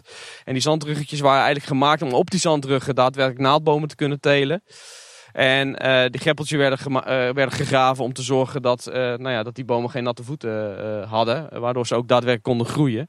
Dus ik durf niet met zekerheid te zeggen of dit een, een oorspronkelijk holle wegtracé is geweest. Of dat dit gegraven is om het beukenbosje in ieder geval droog te houden. Okay. Maar het is niet een restant van een turfvaart, wat ook nog wel eens wordt gezegd. Nee, nee, volgens mij niet. Dan lopen we verder. Ik, ik zie hier wel weer keien liggen. Dus ik denk als onze luisteraars gewoon braaf uh, het keienspoor volgen met, uh, met de dierfiguren erop, dat ze deze bijzondere plek ook gaan zien. Hè? Dat klopt helemaal. Want uiteindelijk leidt de route zich ook langs het Mommersbosje. Wij gaan weer braaf uh, de route volgen, want anders dan, is het voor onze luisteraars niet meer te doen om de wandeling te lopen. Ivo, jij zei net dat jullie recent uh, uh, ook nog een flink stuk uh, van het gebied verkocht hebben aan natuurmonumenten.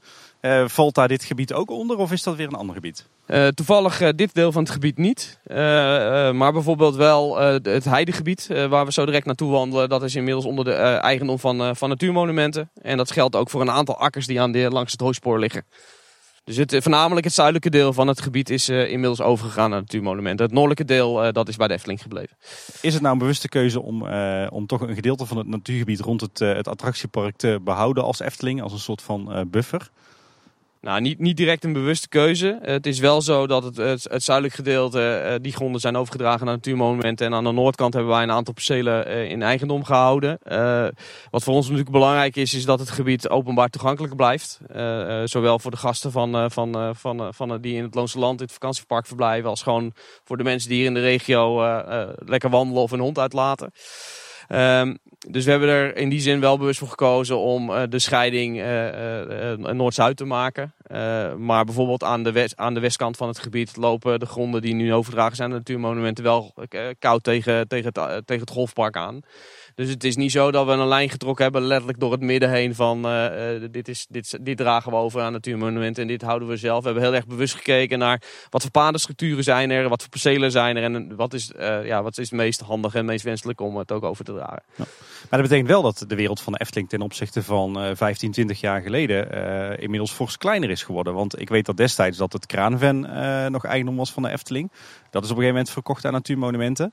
er was een behoorlijke lap grond ten zuiden van het hooispoor, dus zeg maar richting Loon op Zand, was ook nog eigendom van, van de Efteling.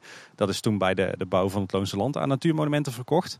En nu toch weer een stukje uh, noordelijker ook nog. Dus de Efteling uh, is wel echt uh, actief gronden aan het afstoten, zou je kunnen zeggen. Nou ja, de Efteling kijkt gewoon heel erg bewust naar van wat, wat zijn de doelen die wij met bepaalde gronden hebben. En wat is daar de beste partij die daar ook in, in lengte van dagen voor kan zorg dragen. Kijk, als Efteling zijnde zijn we natuurlijk primair een, een attractiepark. En daarvoor hebben wij niet alleen een attractiepark, maar hebben wij een aantal vakantieparken ook in, in, in eigendom. Mm -hmm. En we bezitten natuurlijk nog best wel aardig wat gronden rondom, rondom eh, die terreinen.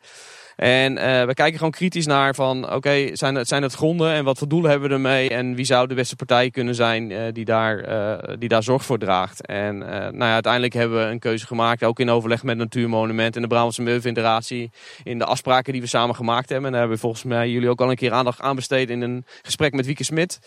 hebben wij er uiteindelijk voor gekozen om in die afspraken een deel van het gebied over te dragen. Ja, dus het is geen doel meer op zich van, uh, van de Efteling om zoveel mogelijk grond te hebben eigenlijk. Nou ja, uiteindelijk gaat het erom dat wij, uh, uh, dat wij zorg dragen voor de omgeving waarin wij zitten. En als dat betekent dat, dat, dat bepaalde gronden bij, bij andere partijen naar de toekomst toe, het doel wat we er nu mee hebben, meer veiliggesteld worden ja, dan kan dat, uh, kan dat een bewuste keuze zijn om die keuze uh, om, om dan die percelen over te dragen en niet, niet zelf in eigendom te houden. Ja, het gebruik blijft natuurlijk hetzelfde als wat de Efteling zelf voor ogen had. Dus nou ja, dat, dat, dat is het. Uh, kijk, stel dat we dit zouden verkopen aan een partij die hier iets anders mee zou willen, hadden we dat waarschijnlijk nooit gedaan. Nee, je verkoopt het niet aan de Plopsa groep, kan ik me zo voorstellen. nou ja, wie weet.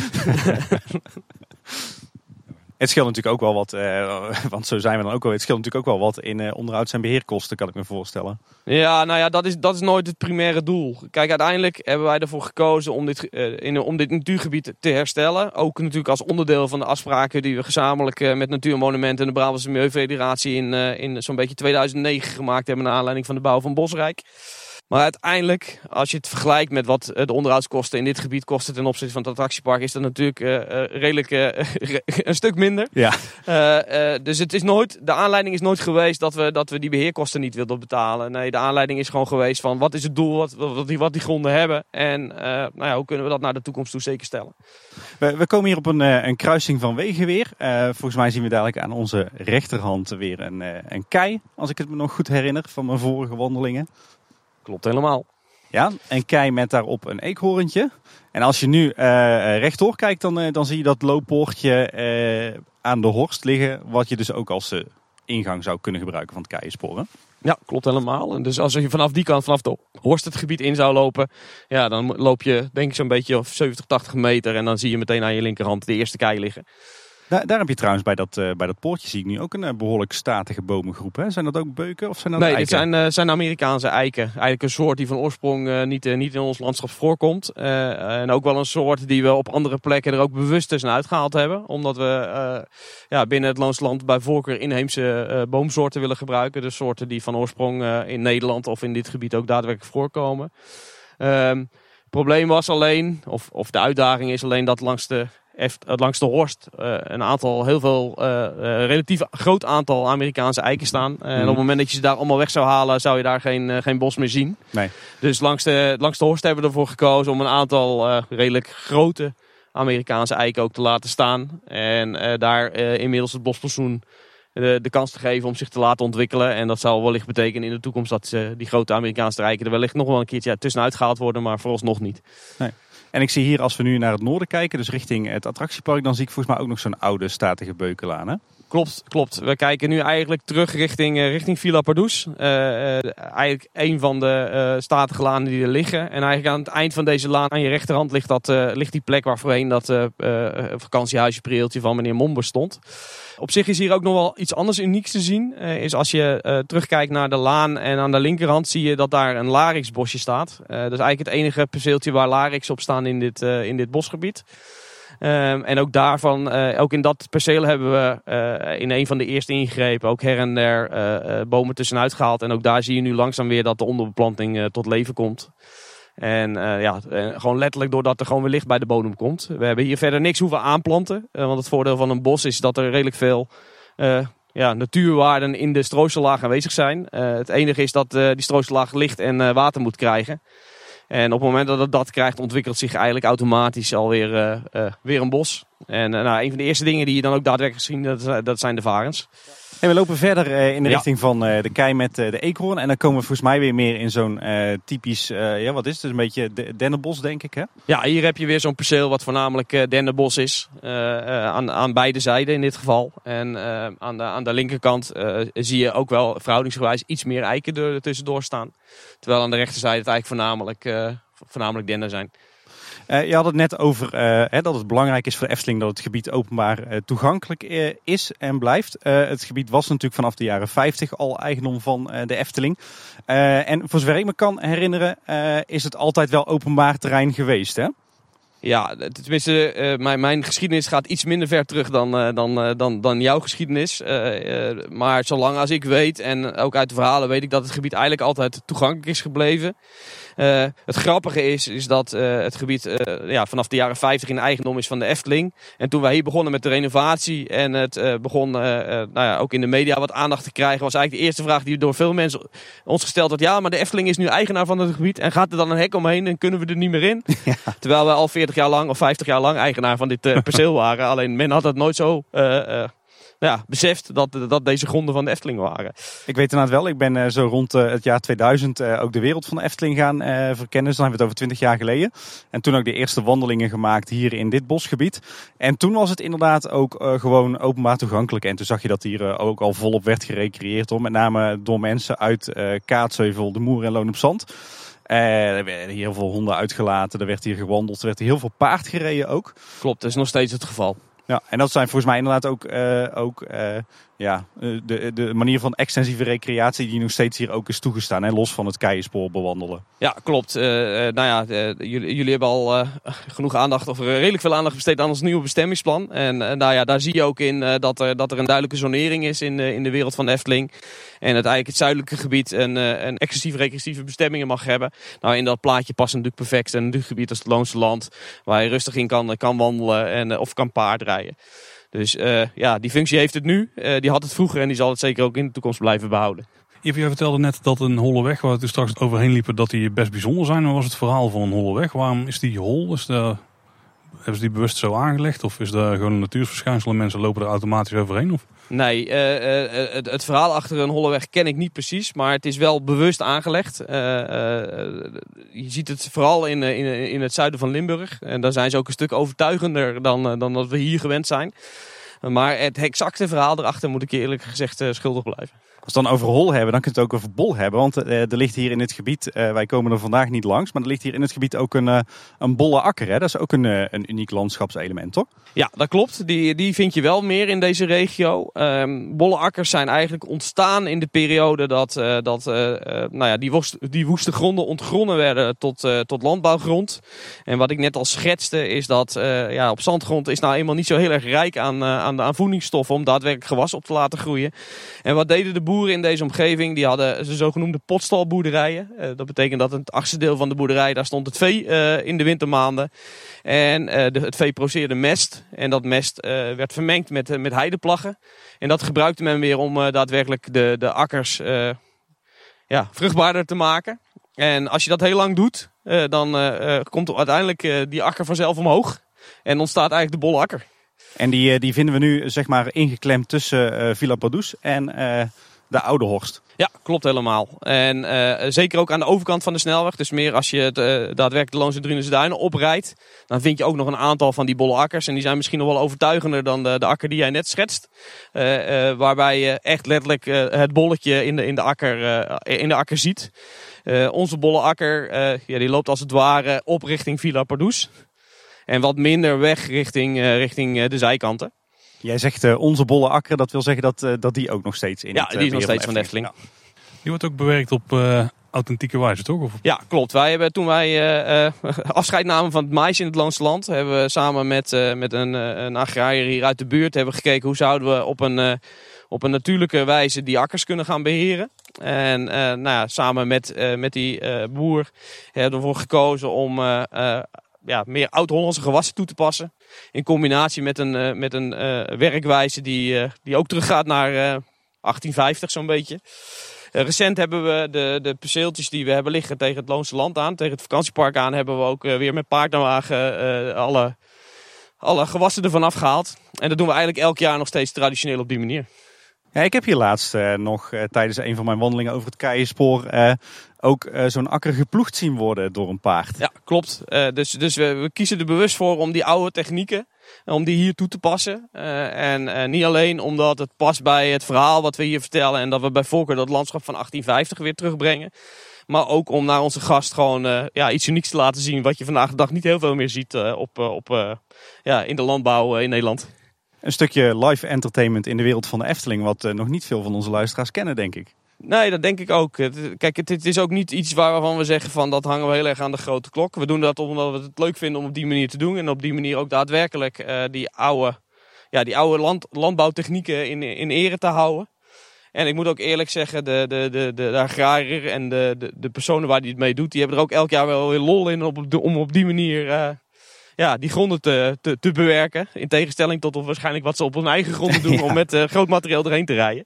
Ja, ik moet zeggen, het was schitterend om te zien. Om zo'n echt zo'n uh, zo'n trekpaard. Ik weet even niet of het een, uh, een Friese knol of een Belgische knol was. Maar het zag eruit als een palmreclame. Ja, zo'n echt... Zo echt zo'n ouderwetse, zo'n ouderwets stevig paard. Ja, zwetend en stomend over die, die akker te zien ploegen. Dat was, was schitterend. Dat was een leuke verrassing. We zijn inmiddels weer een heel eind verder op het keienspoor. We hebben net een kei gezien met een, een kater erop en, en een kei met een mus. Ivo, uh, jij zei net 2011 is eigenlijk een belangrijk moment geweest. Toen begonnen jullie met de ombouw of de renovatie van dit natuurgebied. Je hebt al een aantal dingen benoemd wat jullie toen in de jaren gedaan hebben. Zijn er zo nog meer zaken die jullie hebben aangepakt? Nee, ik denk dat we het belangrijkste wel gehad hebben. Kijk, uh, heel, heel, kort nog even samengevat. Uh, allereerst natuurlijk die akkers omzetten naar, naar andere gewassen dan, dan daadwerkelijk mais. en de andere uitdaging was gewoon zorg dragen dat die tussen aanhalingstekens verwaarloosde bospercelen gewoon weer tot leven zouden komen. En uh, nou ja, daarin hebben we stelselmatig uh, hebben we gewoon percelen gedaan. En waarom hebben we dat stelselmatig gedaan over een aantal jaren? Dat heeft te maken met uh, nou, een soort ontwikkeling die je willen hebben. Want als je dat allemaal in hetzelfde jaar zou doen, wat natuurlijk op zich zou kunnen. Ja, dan heb je uiteindelijk over 10, 15, 20 jaar heb je weer hetzelfde probleem. En dan moet je weer opnieuw ingrijpen. En dan blijft het bos redelijk eentonig qua, qua beeld. Dus we hebben er bewust voor gekozen om een, om een cyclus van, van 10 jaar te introduceren. Waardoor je uh, uh, nou ja, van dat eentonige bosbeeld af kan, kan komen. Wat we verder nog wel gedaan hebben, is we hadden de wens om, om eikenhakhout te introduceren. Dus we hebben op een aantal bospercelen, eikenpercelen, hebben er bewust voor gekozen om daar de bomen letterlijk tot aan de grond toe af te zagen. En we hadden eigenlijk de hoop dat, dat zich daar op staken zouden ontwikkelen. Zoals dat vroeger ook gebruikt werd in de leerlooierij. Dus je moet eigenlijk zien als wilgetenen. De meeste mensen kennen dat beeld wel. Waarbij uh, ja, de wilg eigenlijk elk jaar gesnoeid wordt. En de, het jonge hout gebruikt wordt om, om manden mee te vlechten of, uh, of andere dingen mee te doen. Nou, dat deed men vroeger ook met eiken. Dus dat hebben we geprobeerd om een aantal eikenpercelen terug te zetten. En dan ook te hopen dat die weer op uit zouden schieten. Maar er zijn eigenlijk twee dingen die, die, die, die daarvan belang bij zijn. Waardoor het niet helemaal gelukt is zoals we het gehoopt hadden. Is dat de eiken vaak te oud waren. Waardoor je ze van een hele grote boom terugzet naar, eh, naar, naar, een, sto naar een stobbe. En dan zie je toch dat die stobbe last, last, lastig weer uitgroeit. En dat wordt ook niet, niet, uh, uh, ja, er wordt niet echt bij geholpen dat we nu natuurlijk ook gewoon wild hebben lopen. Met andere woorden reeën. Ja, en die vinden dat jonge hout heel erg lekker. Dus wat zagen we in de, in de, in de eerste periode? Dat op het moment dat die percelen die dan langzaam weer begonnen uit te lopen, dat het uh, een paar dagen was en dan was het jonge hout er alweer van afgegeten. Dus als je door het bosgebied heen uh, loopt, zie je ook nog een aantal bomen staan die op anderhalve meter zo'n beetje hoogte afgezaagd zijn. Dan zul je denken van wat is dat voor gekke, uh, ja dat ziet er niet uit, hoe komt dat dan? Nou dat was eigenlijk proef 2, waarbij we gezegd hebben als we ze nou eens hoger afzagen dan de, nekhoogte van een, van een ree, ontwikkelen ze dan wel. En nou ja, achteraf gezien denk ik dat, dat, niet, dat, ja, dat, dat het jammer is dat we dat niet, uh, niet voor elkaar gekregen hebben. Ja. We, we, staan hier inmiddels bij een, een van de keien met volgens mij een, een rat erop. een diersoort die je ook veel in het attractiepark aantreft momenteel. en ja, we komen hier eigenlijk bij, ja, waar staan we bij? Bij een grasveld met volgens mij een hele bijzondere boom. Ja, we staan hier wat in de volksmond uh, de rode beuk heet. Uh, een, een, boom die uh, nou ja, redelijk monumentaal is. Niet alleen qua leeftijd, want zover als ze mij hebben verteld, heeft hij in ieder geval de, de nobele leeftijd van ongeveer 120, 125 jaar bereikt. maar het bijzondere aan deze boom is dat het eigenlijk een van de weinige bomen is die solitair staat en solitair gestaan heeft de afgelopen jaren. En wat heel frappant aan deze boom is dat hij eigenlijk laat zien wat een boom van nature zou doen. Uh, uh, wij zijn gewend om in de stad bomen te planten en dan kronen we ze op tot, uh, tot 4, 4,5 meter, want dan kunnen we met onze vrachtwagen eronder door. en dan zie je dat een boom eigenlijk altijd naar het licht toe gericht is. En op het moment dat je een boom in zijn natuurlijke habitat zou laten, dan laat hij eigenlijk altijd zijn takken vallen. Uh, met andere woorden, daar hadden we het net al over toen we in het beukenbosje, of tenminste langs de beukenlaan liepen. En ook deze beuk, wat die doet hij, die, die uh, laat zijn takken op de grond vallen, waardoor hij eigenlijk zichzelf beschermt. En het mooie daarvan is dat het daadwerkelijk een soort monumentale kathedraal wordt waar je onderdoor kan lopen. En zeker als je in Engeland komt, dan zie je vaak ook dit soort bomen. En die zakken dan op een gegeven moment met de takken op de grond. En dan ontstaat daar weer een nieuwe boom. Dus dan krijg je als het ware een soort uh, derde, uh, een extra schil met bomen rondom een bestaande boom. En daar ontspringt weer een nieuwe boom uit en zo gaat dat verder. En feitelijk doet deze beuken hetzelfde. Um, ook deze beuk stond toen wij kwamen aan de achter, uh, nou, ten opzichte van waar we nu staan aan de achterzijde stijf tegen, tegen een beukenperceel aan die er, die er achteraan stond. Dus die hebben ook weer langzaam hebben die weggekapt. En dan zie je dat die boom langzaam nu ook de afgelopen tien jaar aan de, aan de andere kant aan, te, aan het herstellen is. En zich eigenlijk ook daar weer die dichte, ja, die dichte massa aan het vormen is. Ik vind het zelf een hele bijzondere plek. Uh, het is een plek waar je, waar je uh, als het letterlijk tot rust kan komen. Uh, dus we hebben er ook bewust voor gekozen om er een soort pad doorheen te leggen. zodat mensen ook daadwerkelijk eronder door kunnen lopen. Maar tegelijkertijd hebben we er ook bewust voor gekozen om er een uh, soort ring omheen te leggen. Uh, en die bood ons de mogelijkheid om de boom ook de juiste voedingsstoffen mee te geven. Dus we hebben er bij deze boom bewust voor gekozen om hem uh, van mulch te voorzien.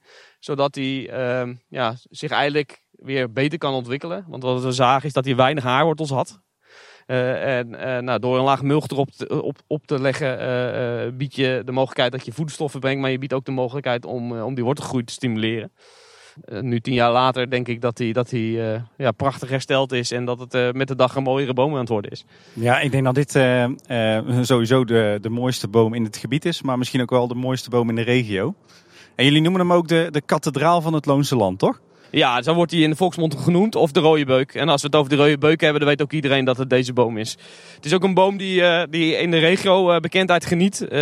want ik weet dat de lokale kampeerboerderij hier in de omgeving, als ze een speurtocht houden of een spookverhaal vertellen, dan is het 9 van de 10 keer in de buurt van deze boom.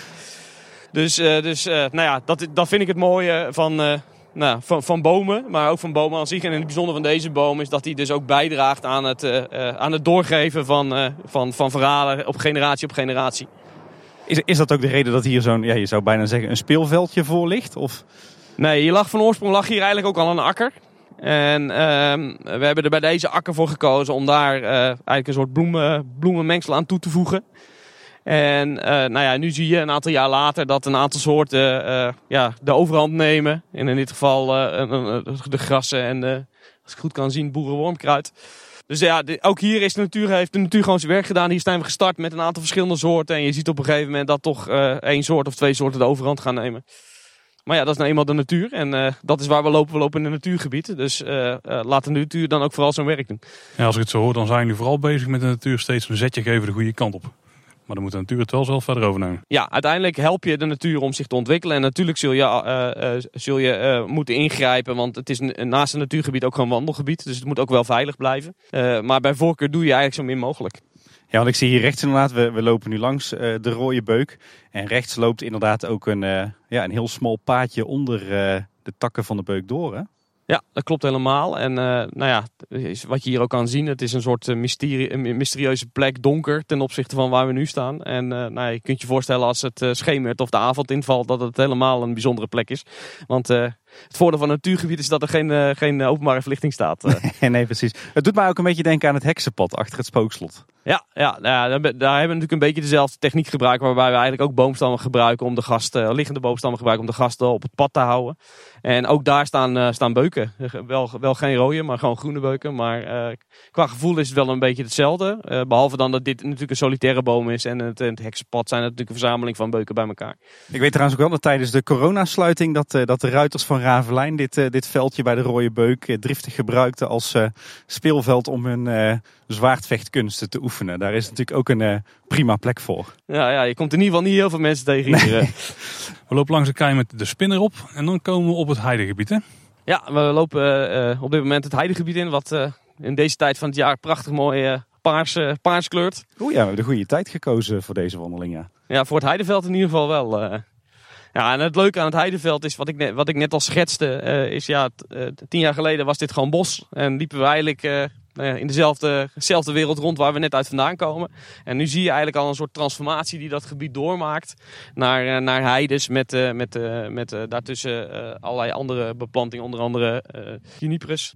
En her en der zie je nog een, een, een nieuwe boom of een bestaande boom staan. Hier, hier links zie ik wat, wat houten paaltjes staan wat verderop. Dat is volgens mij de, de, de wegrand van het hooispoor. Ja, klopt helemaal. Uh, dat, dat was tot voor kort dus ook uh, de zuidelijke grens van het Efteling grondgebied. Hè? Ja, klopt helemaal. Dat was, uh, destijds was dat, waren dat de, de, de grenzen van, van de eigendom van de Efteling. In het begin hadden we hier wat last van crossende auto's.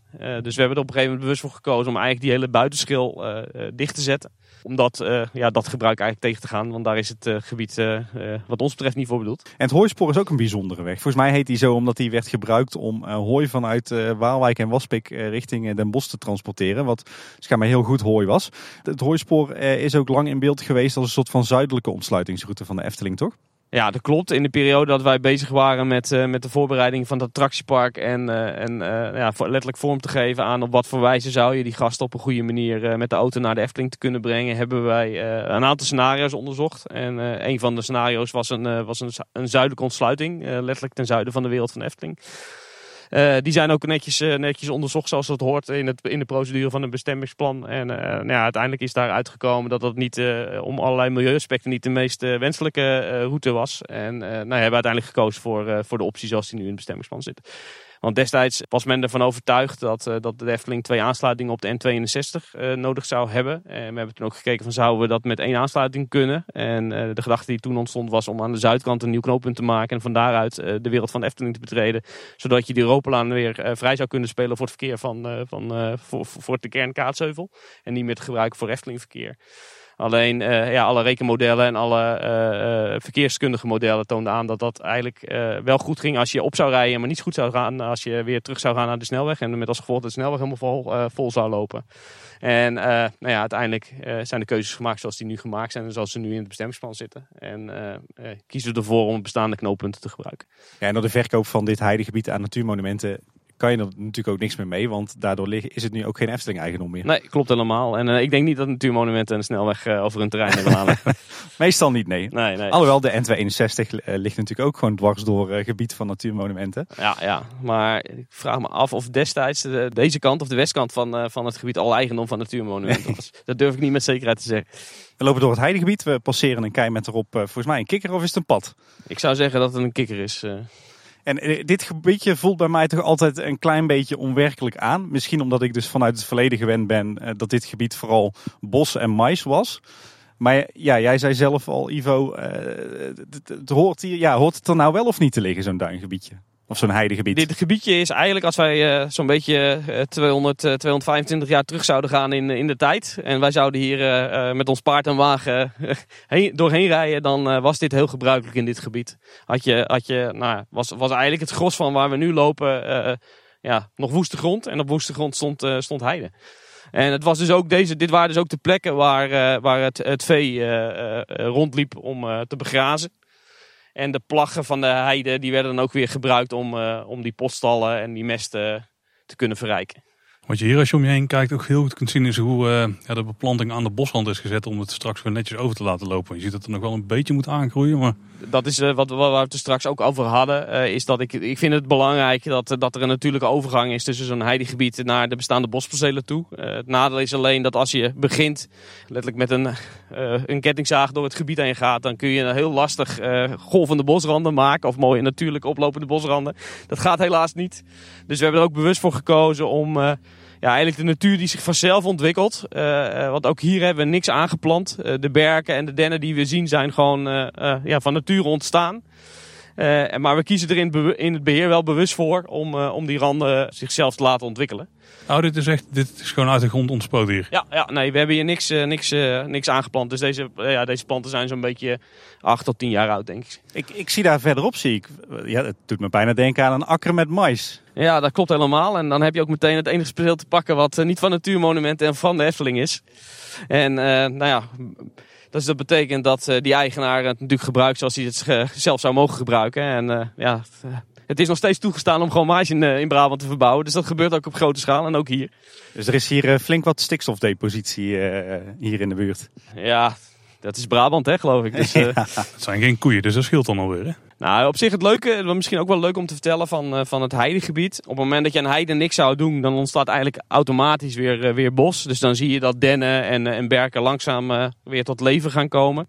Het onderhouden van, van dit gebied is, is in die zin, als, je dat met, als de mens dat zou doen, best, best intensief.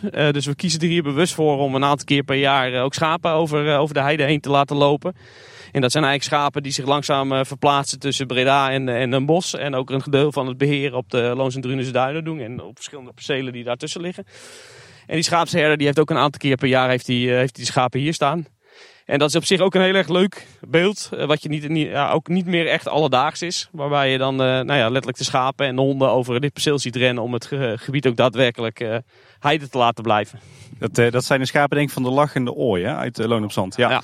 Ja, die, eh, want die doen ook het beheer volgens mij van het golfpark hè, voor een deel. klopt helemaal. Rond het ecoduct over de N261. Ik geloof dat ze in de, in de racehof ook nog wat dingetjes doen. Dus die zijn hier eh, zeer actief uh, ja. in de omgeving. En volgens mij doen zij zelf ook altijd aan educatie. Hè? Want zij hebben hier in de buurt, in Loon op Zand, uh, volgens mij een, een stallencomplex aangekocht. Om daar een soort van schapenboerderij met recreatieve functie te starten, toch? Ja, klopt helemaal. Dat is op, de, op de weg naar richting, Ulf, richting Udenhout we komen hier nou langs een van de weinige, misschien enige plas water van het gebied. Ja, er liggen in het gebied. Uh, uh, we staan hier toevallig bij een uh, grote drinkpool, zoals die, als die heet. in het gebied zijn nog twee andere drinkpoelen, maar die zijn wat lastiger te vinden. Die zitten wat meer verscholen in het bos. En die werden eigenlijk vroeger gebruikt door het vee en door, de, door, de, nou ja, door het wild wat in het gebied zit om ook daadwerkelijk daar water te drinken. toen we dit heidegebied maakten, hadden we graag de wens om ook een wat grotere drinkpoel aan, het, aan het gebied toe te voegen. En ja, dat is letterlijk de drinkpoel geworden waar we nu bij staan. Die is afgegraven tot aan het uh, grondwater. Dus het is in die zin een, een natuurlijke pool. In tegenstelling tot uh, heel veel waterpartijen die we elders binnen de wereld van de uh, Efteling aantreffen. Die natuurlijk gecreëerd zijn en ook kunstmatig ja, hun water vasthouden. Dit is, dit is een natuurlijke, ja, letterlijk een natuurlijke waterpool op, op, op, op het grondwaterniveau. Ja, jullie hebben, geen, geen, ja, jullie hebben geen leemlagen ingesmeerd. Nee, nee, nee, nee, Doen jullie nou ook onderzoek of dat er hier bijvoorbeeld dieren komen drinken? Of hebben we wij doen binnen de wereld van de Efteling monitoren we een aantal diersoorten. En uh, in het bijzonder uh, hebben wij voor het Loonse Land ervoor gekozen om geen diersoort te monitoren, maar juist paddenstoelen te monitoren. Omdat uh, we hier in een, bosgebied, een bosgebied zitten waar relatief veel, heel veel verschillende paddenstoelen en, en zwammen voorkomen. Dus wij, wij, wij, dat is wat wij monitoren hier, om op basis daarvan ook te kijken van hoe ontwikkelt het bos zich nou daadwerkelijk. Dus we tellen niet uh, de aanwezigheid van reetjes of dat soort dingen. Maar de ervaring leert wel als je hier uh, s ochtends vroeg een wandeling maakt. Dat uh, nou ja, de kans dat je een ree ziet is bijna 100% denk ik. En ja. Het wordt alleen maar meer de laatste jaren sinds dat we ook de, de, de, de wildwilsel hebben over de N62 heen. Hey, je had het net Ivo over een, een tienjarenplan. Wat, wat hebben jullie als, als Efteling nu, nu voor omkijken naar dit gebied? Wat, wat doen jullie allemaal hier op dit moment aan onderhoud en aan beheren? Of, nou, het onderhoud wat wij nu doen is, is relatief beperkt. Uh, natuurlijk hebben wij uh, gewoon onderhoud uh, of, of beheer aan, aan, de, aan de agrarische percelen die erin liggen.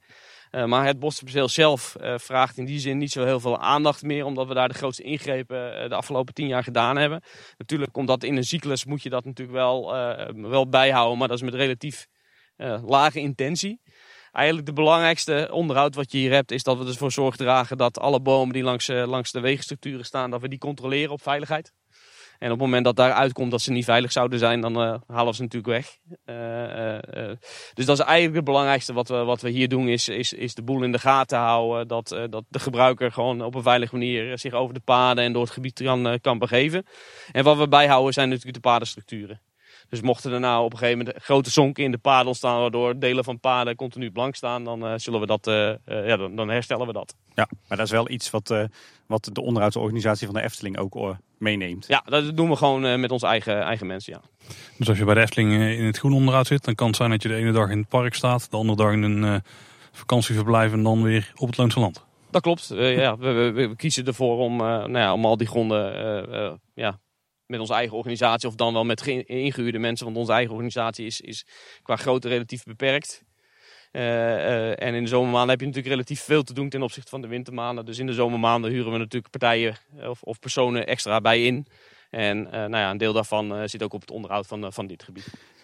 Wat is nou een beetje toekomstperspectief voor dit gebied? Is dat zeg maar het beeld bewaren wat we, wat we hier nu zien? Of hebben jullie nog bepaalde doelen of doelstellingen met dit gebied waar het naartoe moet? Nee, feitelijk is wat wij nu hebben, eh, is dat wat we hier voor dit, eh, voor dit gebied voor, eh, voor beeld hebben.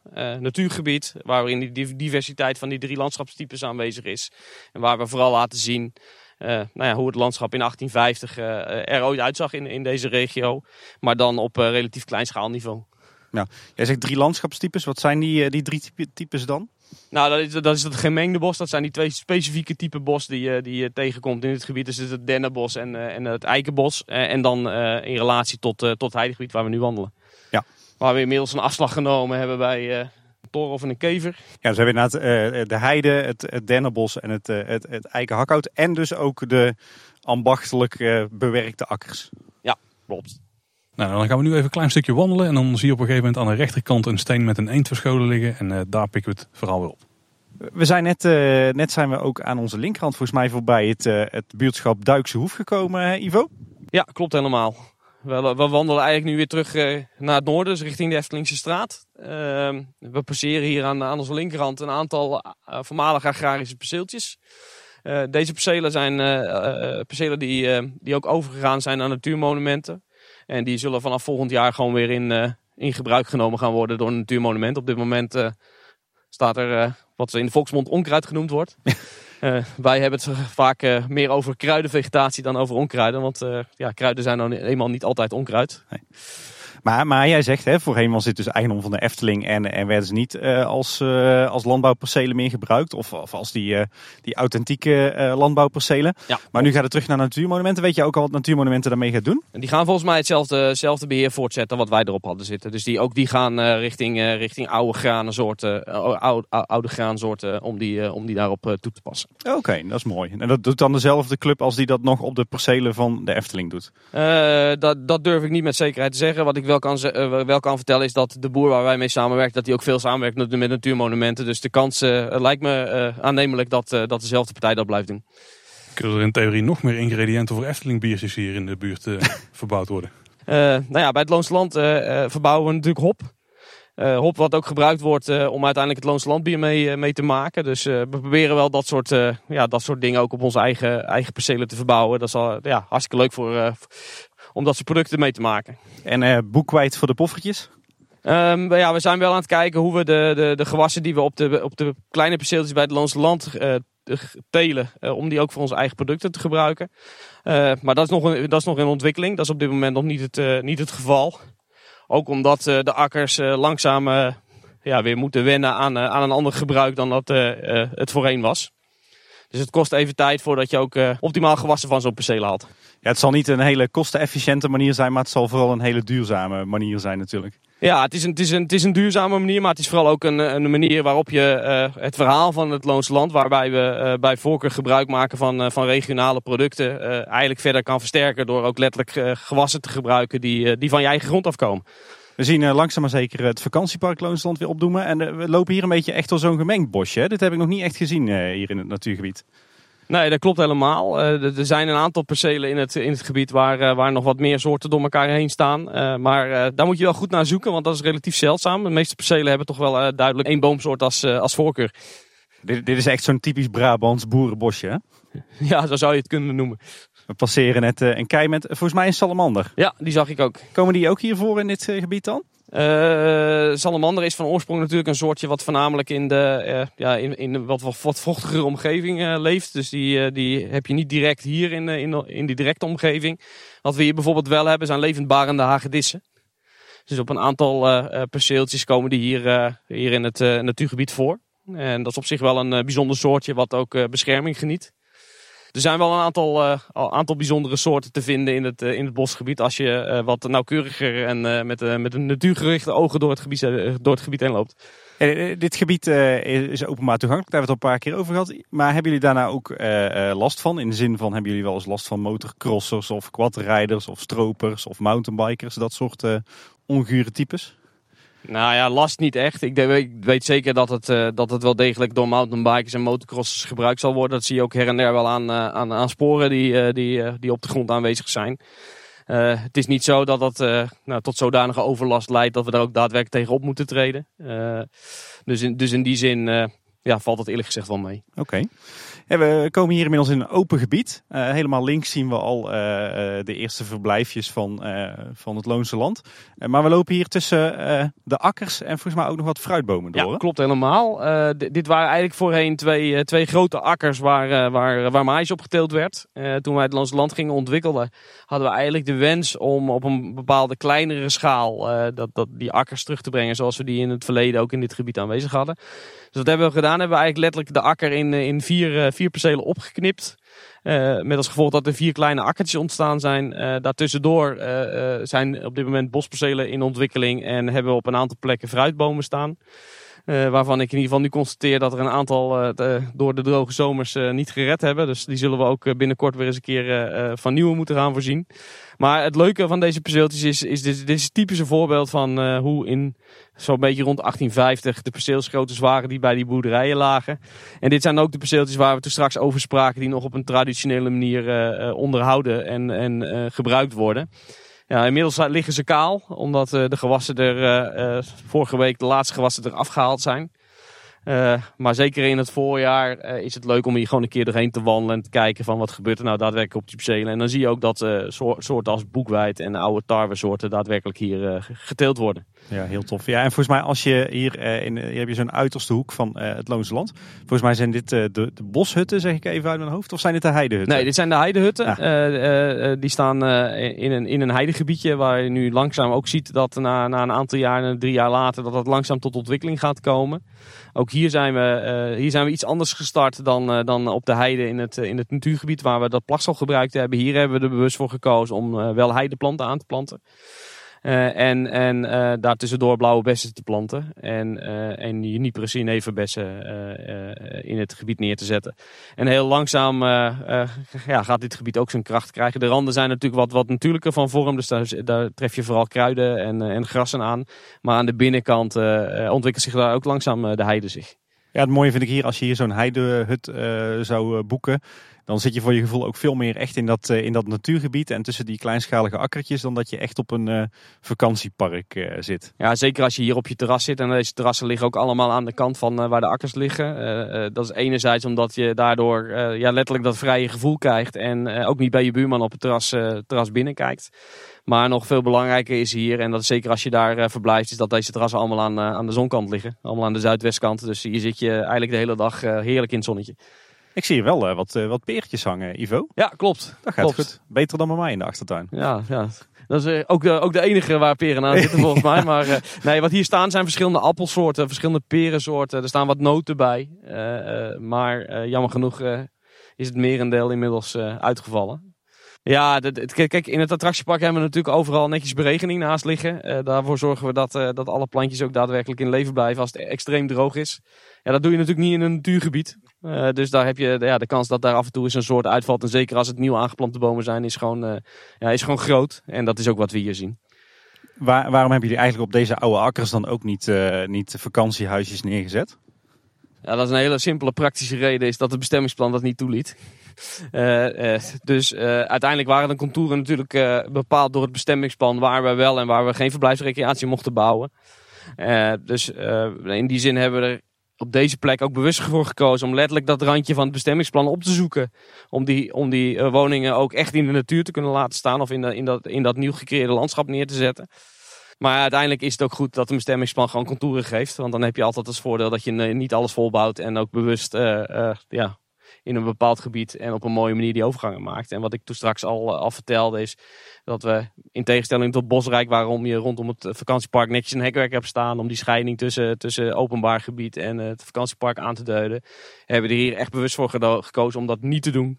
Zodat je die ervaring en die beleving van, vanuit de geciviliseerde wereld van het vakantiepark overgaand in het natuurgebied, dat moet je gewoon niet voelen. Het enige hek wat we geplaatst hebben is langs de Eftelingstraat. Want je wil natuurlijk niet dat kinderen over de heuvel zo de Eftelingstraat op rennen. We, we, lopen hier weer uh, een stukje bos in en we passeren hier uh, twee spoorstaven. Die staan hier volgens mij al wat langer uh, dan sinds jullie hier een bungalowpark hebben ontwikkeld. Ja, dat, dat, dat, weet, dat, dat, ik heb ze ook geconstateerd. niet alleen nu, maar ze staan er al wat langer, dat klopt. maar ik durf eerlijk gezegd niet te zeggen waar ze, waar ze vandaan komen. Maar ik vermoed dat het vroeger dienst gedaan heeft als een soort toegang tot de percelen van, van de boer die erachter lagen. Om ze met een ketting om de boel af te sluiten. Ze staan ook verderop, meer richting Villa Padus, op volgens mij het, het oude tracé van de Eftelingstraat. zou het kunnen dat restanten zijn van de de oude tramlijn die ooit langs uh, de Horst liep? Zou kunnen, maar uh, is uh, in die zin ver, van, van voor mijn tijd. Dus ik durf dat niet met zekerheid te bevestigen. We, we, zijn bijna aan het, het einde van de wandeling over het Keienspoor. Het Keienspoor, voor mijn gevoel, leidt je dat wel langs, langs de hoogtepunten van dit natuurgebied. Maar dit is natuurlijk niet het enige pad wat je kunt wandelen in dit gebied, hè? Nee, het pad ligt, uh, of tenminste het natuurgebied ligt vol met uh, verschillende paden. Uh, ja, op het moment dat je het keienspoor volgt, dan zie je ook alle gebieden. maar ja, je kunt ook natuurlijk gewoon het gebied zelf gaan ontdekken. En dan ontdek je dat er nog veel meer paadjes en kleine paadjes zijn die in alle uithoeken van het gebied zullen brengen. Zijn, zijn er dan nog bepaalde highlights qua natuur of qua cultuurhistorie waarvan jij zegt van die mag je dan eigenlijk ook niet missen als je een, zeg maar een wandeling voor gevorderden zou gaan maken in dit gebied? Nou ja, ik denk dat, dat, uh, dat we een aantal van die highlights die hebben natuurlijk gezien. Ik vind zelf het, uh, het heidegebied prachtig, uh, de rode beuk schitterend. En nou ja, wat wel bijzonder is zijn de rabatdelen. Die, rabat, die, die, die fragmentjes aan rabatbossen die er nu liggen. Ja, daar moet je wel iets, iets, iets meer ervaring voor hebben om die ook daadwerkelijk te kunnen zien. Maar zeker voor een gevorderde natuurliefhebber, die gaat ze absoluut ontdekken. Wat ik zelf nog een mooi stukje vind om te lopen is, is het oude tracé van de Eftelingse straat. Wat je zeg maar oploopt als je nou ja, zeg maar, uh, ter hoogte van Joris en de Draak op de Eftelingse straat staat. En je hebt uh, het Loonse Land aan je rechterhand. Dan kun je links schuin het bos in. En dan heb je volgens mij nog uh, de oude loop van de Eftelingse straat te pakken. En daar staan volgens mij ook een paar hele mooie monumentale bomen. Ja, klopt helemaal. dat is eigenlijk aan de zuidzijde van waar nu Villa Pardoes staat. daar bevindt zich ook nog een restant van een, ik denk van een oude laan. En daar staan ja, serieuze, serieuze jongens. Uh, als je het, het, pad verder uitloopt uh, richting, richting de Horst, dan heb je nog één bijzonder element. Dat is eigenlijk tussen de, de, de bolakker waar we eerder over spraken en, en het pad. Daar staan, staan haagbeuken. En die zijn eigenlijk in een zodanige fase dat zij langzaam het pad weer aan het overgroeien zijn. Waardoor een, nou ja, letterlijk een bijzondere, bijzondere wereld ontstaat waar je in de toekomst onder de haagbeuken door ja, letterlijk het Loonse land in wandelt. Misschien ooit nog een, een mooie tweede wandeling door het gebied om uh, aan te leggen? Het uh, gebied is altijd vrij om te wandelen en te gaan en te staan. Dus één wandeling vandaag, twee wandelingen in de toekomst. Maar volgens mij kun je hier elke dag lekker wandelen. En er zijn ook heel veel mensen die dat doen, die hier dagelijks met hun hondje het rondje lopen om vanuit Kaatsheuvel even het buitengebied in te wandelen. En ons ook regelmatig de vraag stelden toen we met Loonse Land bezig waren van jongens, jullie gaan er toch wel voor zorgen dat we het bosgebied nog inkomen. Vandaar waarschijnlijk ook dat we her en der zo langs de Eftelingstraat ook nog wat extra bordjes zien staan waarmee jullie de mensen wijzen op de toegangen van het Ja, en wat je bijvoorbeeld ook ziet tussen het, uh, tussen het golfpark en de parkeerplaats van het Loonse Land zie je ook een, ligt ook een wandelpad om, uh, om de bezoekers van het, uh, vanuit de kern Kaatsheuvel op een veilige manier ook daadwerkelijk in het bosgebied te krijgen. Heb je ooit wel eens overwogen om gegidste wandelingen door dit gebied te gaan geven? Ja, daar, daar, daar, hebben we zeker overwogen. Uh, wij werken samen met uh, IVN, de natuurorganisatie. wij hadden bij aanvang het idee om, om wekelijks rondleidingen door een IVN-gids aan te bieden in het Loonse Land voor onze gasten. alleen de praktijk tot op heden wijst uit dat onze gasten daar weinig gebruik van maken, omdat ze het vooral naar het attractiepark willen. Ja. Uh, samen met IVN hebben we wel ontdekboxen ont, uh, ontwikkeld met een aantal thema's. En dan moet je denken aan bos, water. En die worden met, regelmatig wel, met regelmatigheid wel opgehaald door, door de gasten, omdat ze dat feitelijk op hun eigen tijd kunnen doen. Dus eigenlijk op het moment dat het attractiepark dicht is, wat we natuurlijk wel zien is op het moment dat eh, de gasten uit het attractiepark komen en rustig naar een huisje vertrekken, dat ze wel de tijd en de rust hebben om nog een keer een wandeling door het gebied te maken. Dus dat gebeurt heel veel. Maar uh, bij voorkeur niet op uh, gepaste tijden onder begeleiding van. Nee, mensen willen graag zelf, ja, er zelf op uit. Maar het hoeft ook niet meer, want mensen kunnen nu gewoon deze aflevering luisteren. Hè? dat kan natuurlijk ook, ja. En we zijn inmiddels aan het eind gekomen van, de, de van het keispoor. Uh, we zien hier rechts voor ons nog een kei liggen, maar die moet je niet inlopen, want dan ga je hetzelfde rondje nog een keer doen. En dat kan natuurlijk wel als je heel veel tijd over hebt en uh, graag nog wel verder loopt. Uh, maar links kun je weer teruglopen naar het Loonse Land vakantiepark. En dat is de kant waar wij op gaan, hè? Ja, wij lopen langzaam weer terug naar de bewoonde wereld. Uh, Noord-Brabant staat er natuurlijk niet echt onbekend dat hier heel veel uh, rotsgronden liggen of dat er grote keien te vinden zijn. Waar komen de keien zelf eigenlijk vandaan? Uh, de keien zijn, zijn van graniet. Dus die zullen, zover als ik vermoed, meer uit de kant van Frankrijk vandaan komen. Zoals je al zegt, in het, in het Nederlandse landschap hebben we niet zo heel veel keien. Behalve de maaskaitjes die langs de rivierbedding liggen. Maar die zijn wel een maatje kleiner dan, dan deze die we hier toegepast hebben. Hunebedden heb ik pas geleden nog gezien. Ja, klopt. Ah, ja, die zijn er wel. Die zijn er wel. Maar die mag je vast niet op een vrachtwagen leggen en hier naartoe brengen. Nee, ik denk dat je dat, uh, dat, je dat niet in dank afgenomen wordt. Uh. En dan uh, mooie dieren erin vrezen. Schiet ook niet echt op. nee, precies. We zijn bijna aan het, aan het einde gekomen van, uh, van deze wandeling. Mocht je nou als luisteraar nog, nog meer willen weten, uh, wat bijna volgens mij niet kan, want volgens mij hebben we een heleboel wel besproken. Maar we weten dat bijvoorbeeld Eftepedia een, een heel mooi artikel heeft geschreven over het natuurgebied Loonse Land. En zelf zijn we zoals gezegd ook al behoorlijk vaak in deze, deze omgeving geweest. zo hebben we bijvoorbeeld ooit een rondje wereld van de Efteling gedaan. Uh, we hebben een, uh, een, tweetal afleveringen gemaakt over de geschiedenis van uh, de Efteling voor 1952. En we hebben een, een uitgebreide audiotour gedaan over het Loonse Land. En we zullen de links naar al die oude afleveringen nog even in de show notes zetten op kleineboodschap.com onder de aflevering. Nou Ivo, hartstikke bedankt dat je ons wou rondleiden door het Loonse Land. We hebben toch wel wat dingen opgestoken, Tim. Absoluut, zeker. ja. Nou, ik vond het leuk om jullie een uh, rondje te wandelen en uh, mijn kennis met jullie te delen. Ik uh, ben blij dat jullie er ook iets van opgestoken hebben. Dus dat is altijd zeker. goed. En nou ja, ik nodig iedereen uit om gezellige wandeling door het natuurgebied te maken. Ja, je kunt prima als je graag wil deze aflevering hier opzetten en een rondje lopen. Dan je hoeft denk maar op één of twee plekken even in te houden of om, om op pauze te zetten.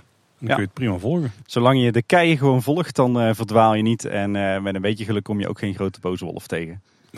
En gelukkig zijn het geen broodkruimels, want die zijn er niet meer. Nee, precies. Ivo, ontzettend bedankt uh, voor de, de rondleiding en de wandeling. Uh, ik heb er echt uh, enorm van genoten. Dank jullie wel. Graag gedaan. Nou, dat was in ieder geval weer voor deze week. Heb je nou vragen, opmerkingen, wil je iets aan ons kwijt? Dan kun je dat altijd doen via social media bijvoorbeeld. Ja, op eh, Twitter zijn we @kboodschap. Daar zijn we eigenlijk het beste bereikbaar. En daarnaast zijn we op Instagram en Facebook Kleine Boodschap. Je kunt ons altijd mailen via info.kleineboodschap.com of je gaat gewoon naar de website als kleineboodschap.com. We hebben ook een contactformuliertje. Ja, en als je ons luistert in een podcast app, dan vinden we het leuk als je je abonneert. Uh, en je kan natuurlijk ook een rating achterlaten, dat waarderen we ook altijd. En voor nu, bedankt voor het luisteren. Tot de volgende keer en houdoe. Houdoe. Tot ziens.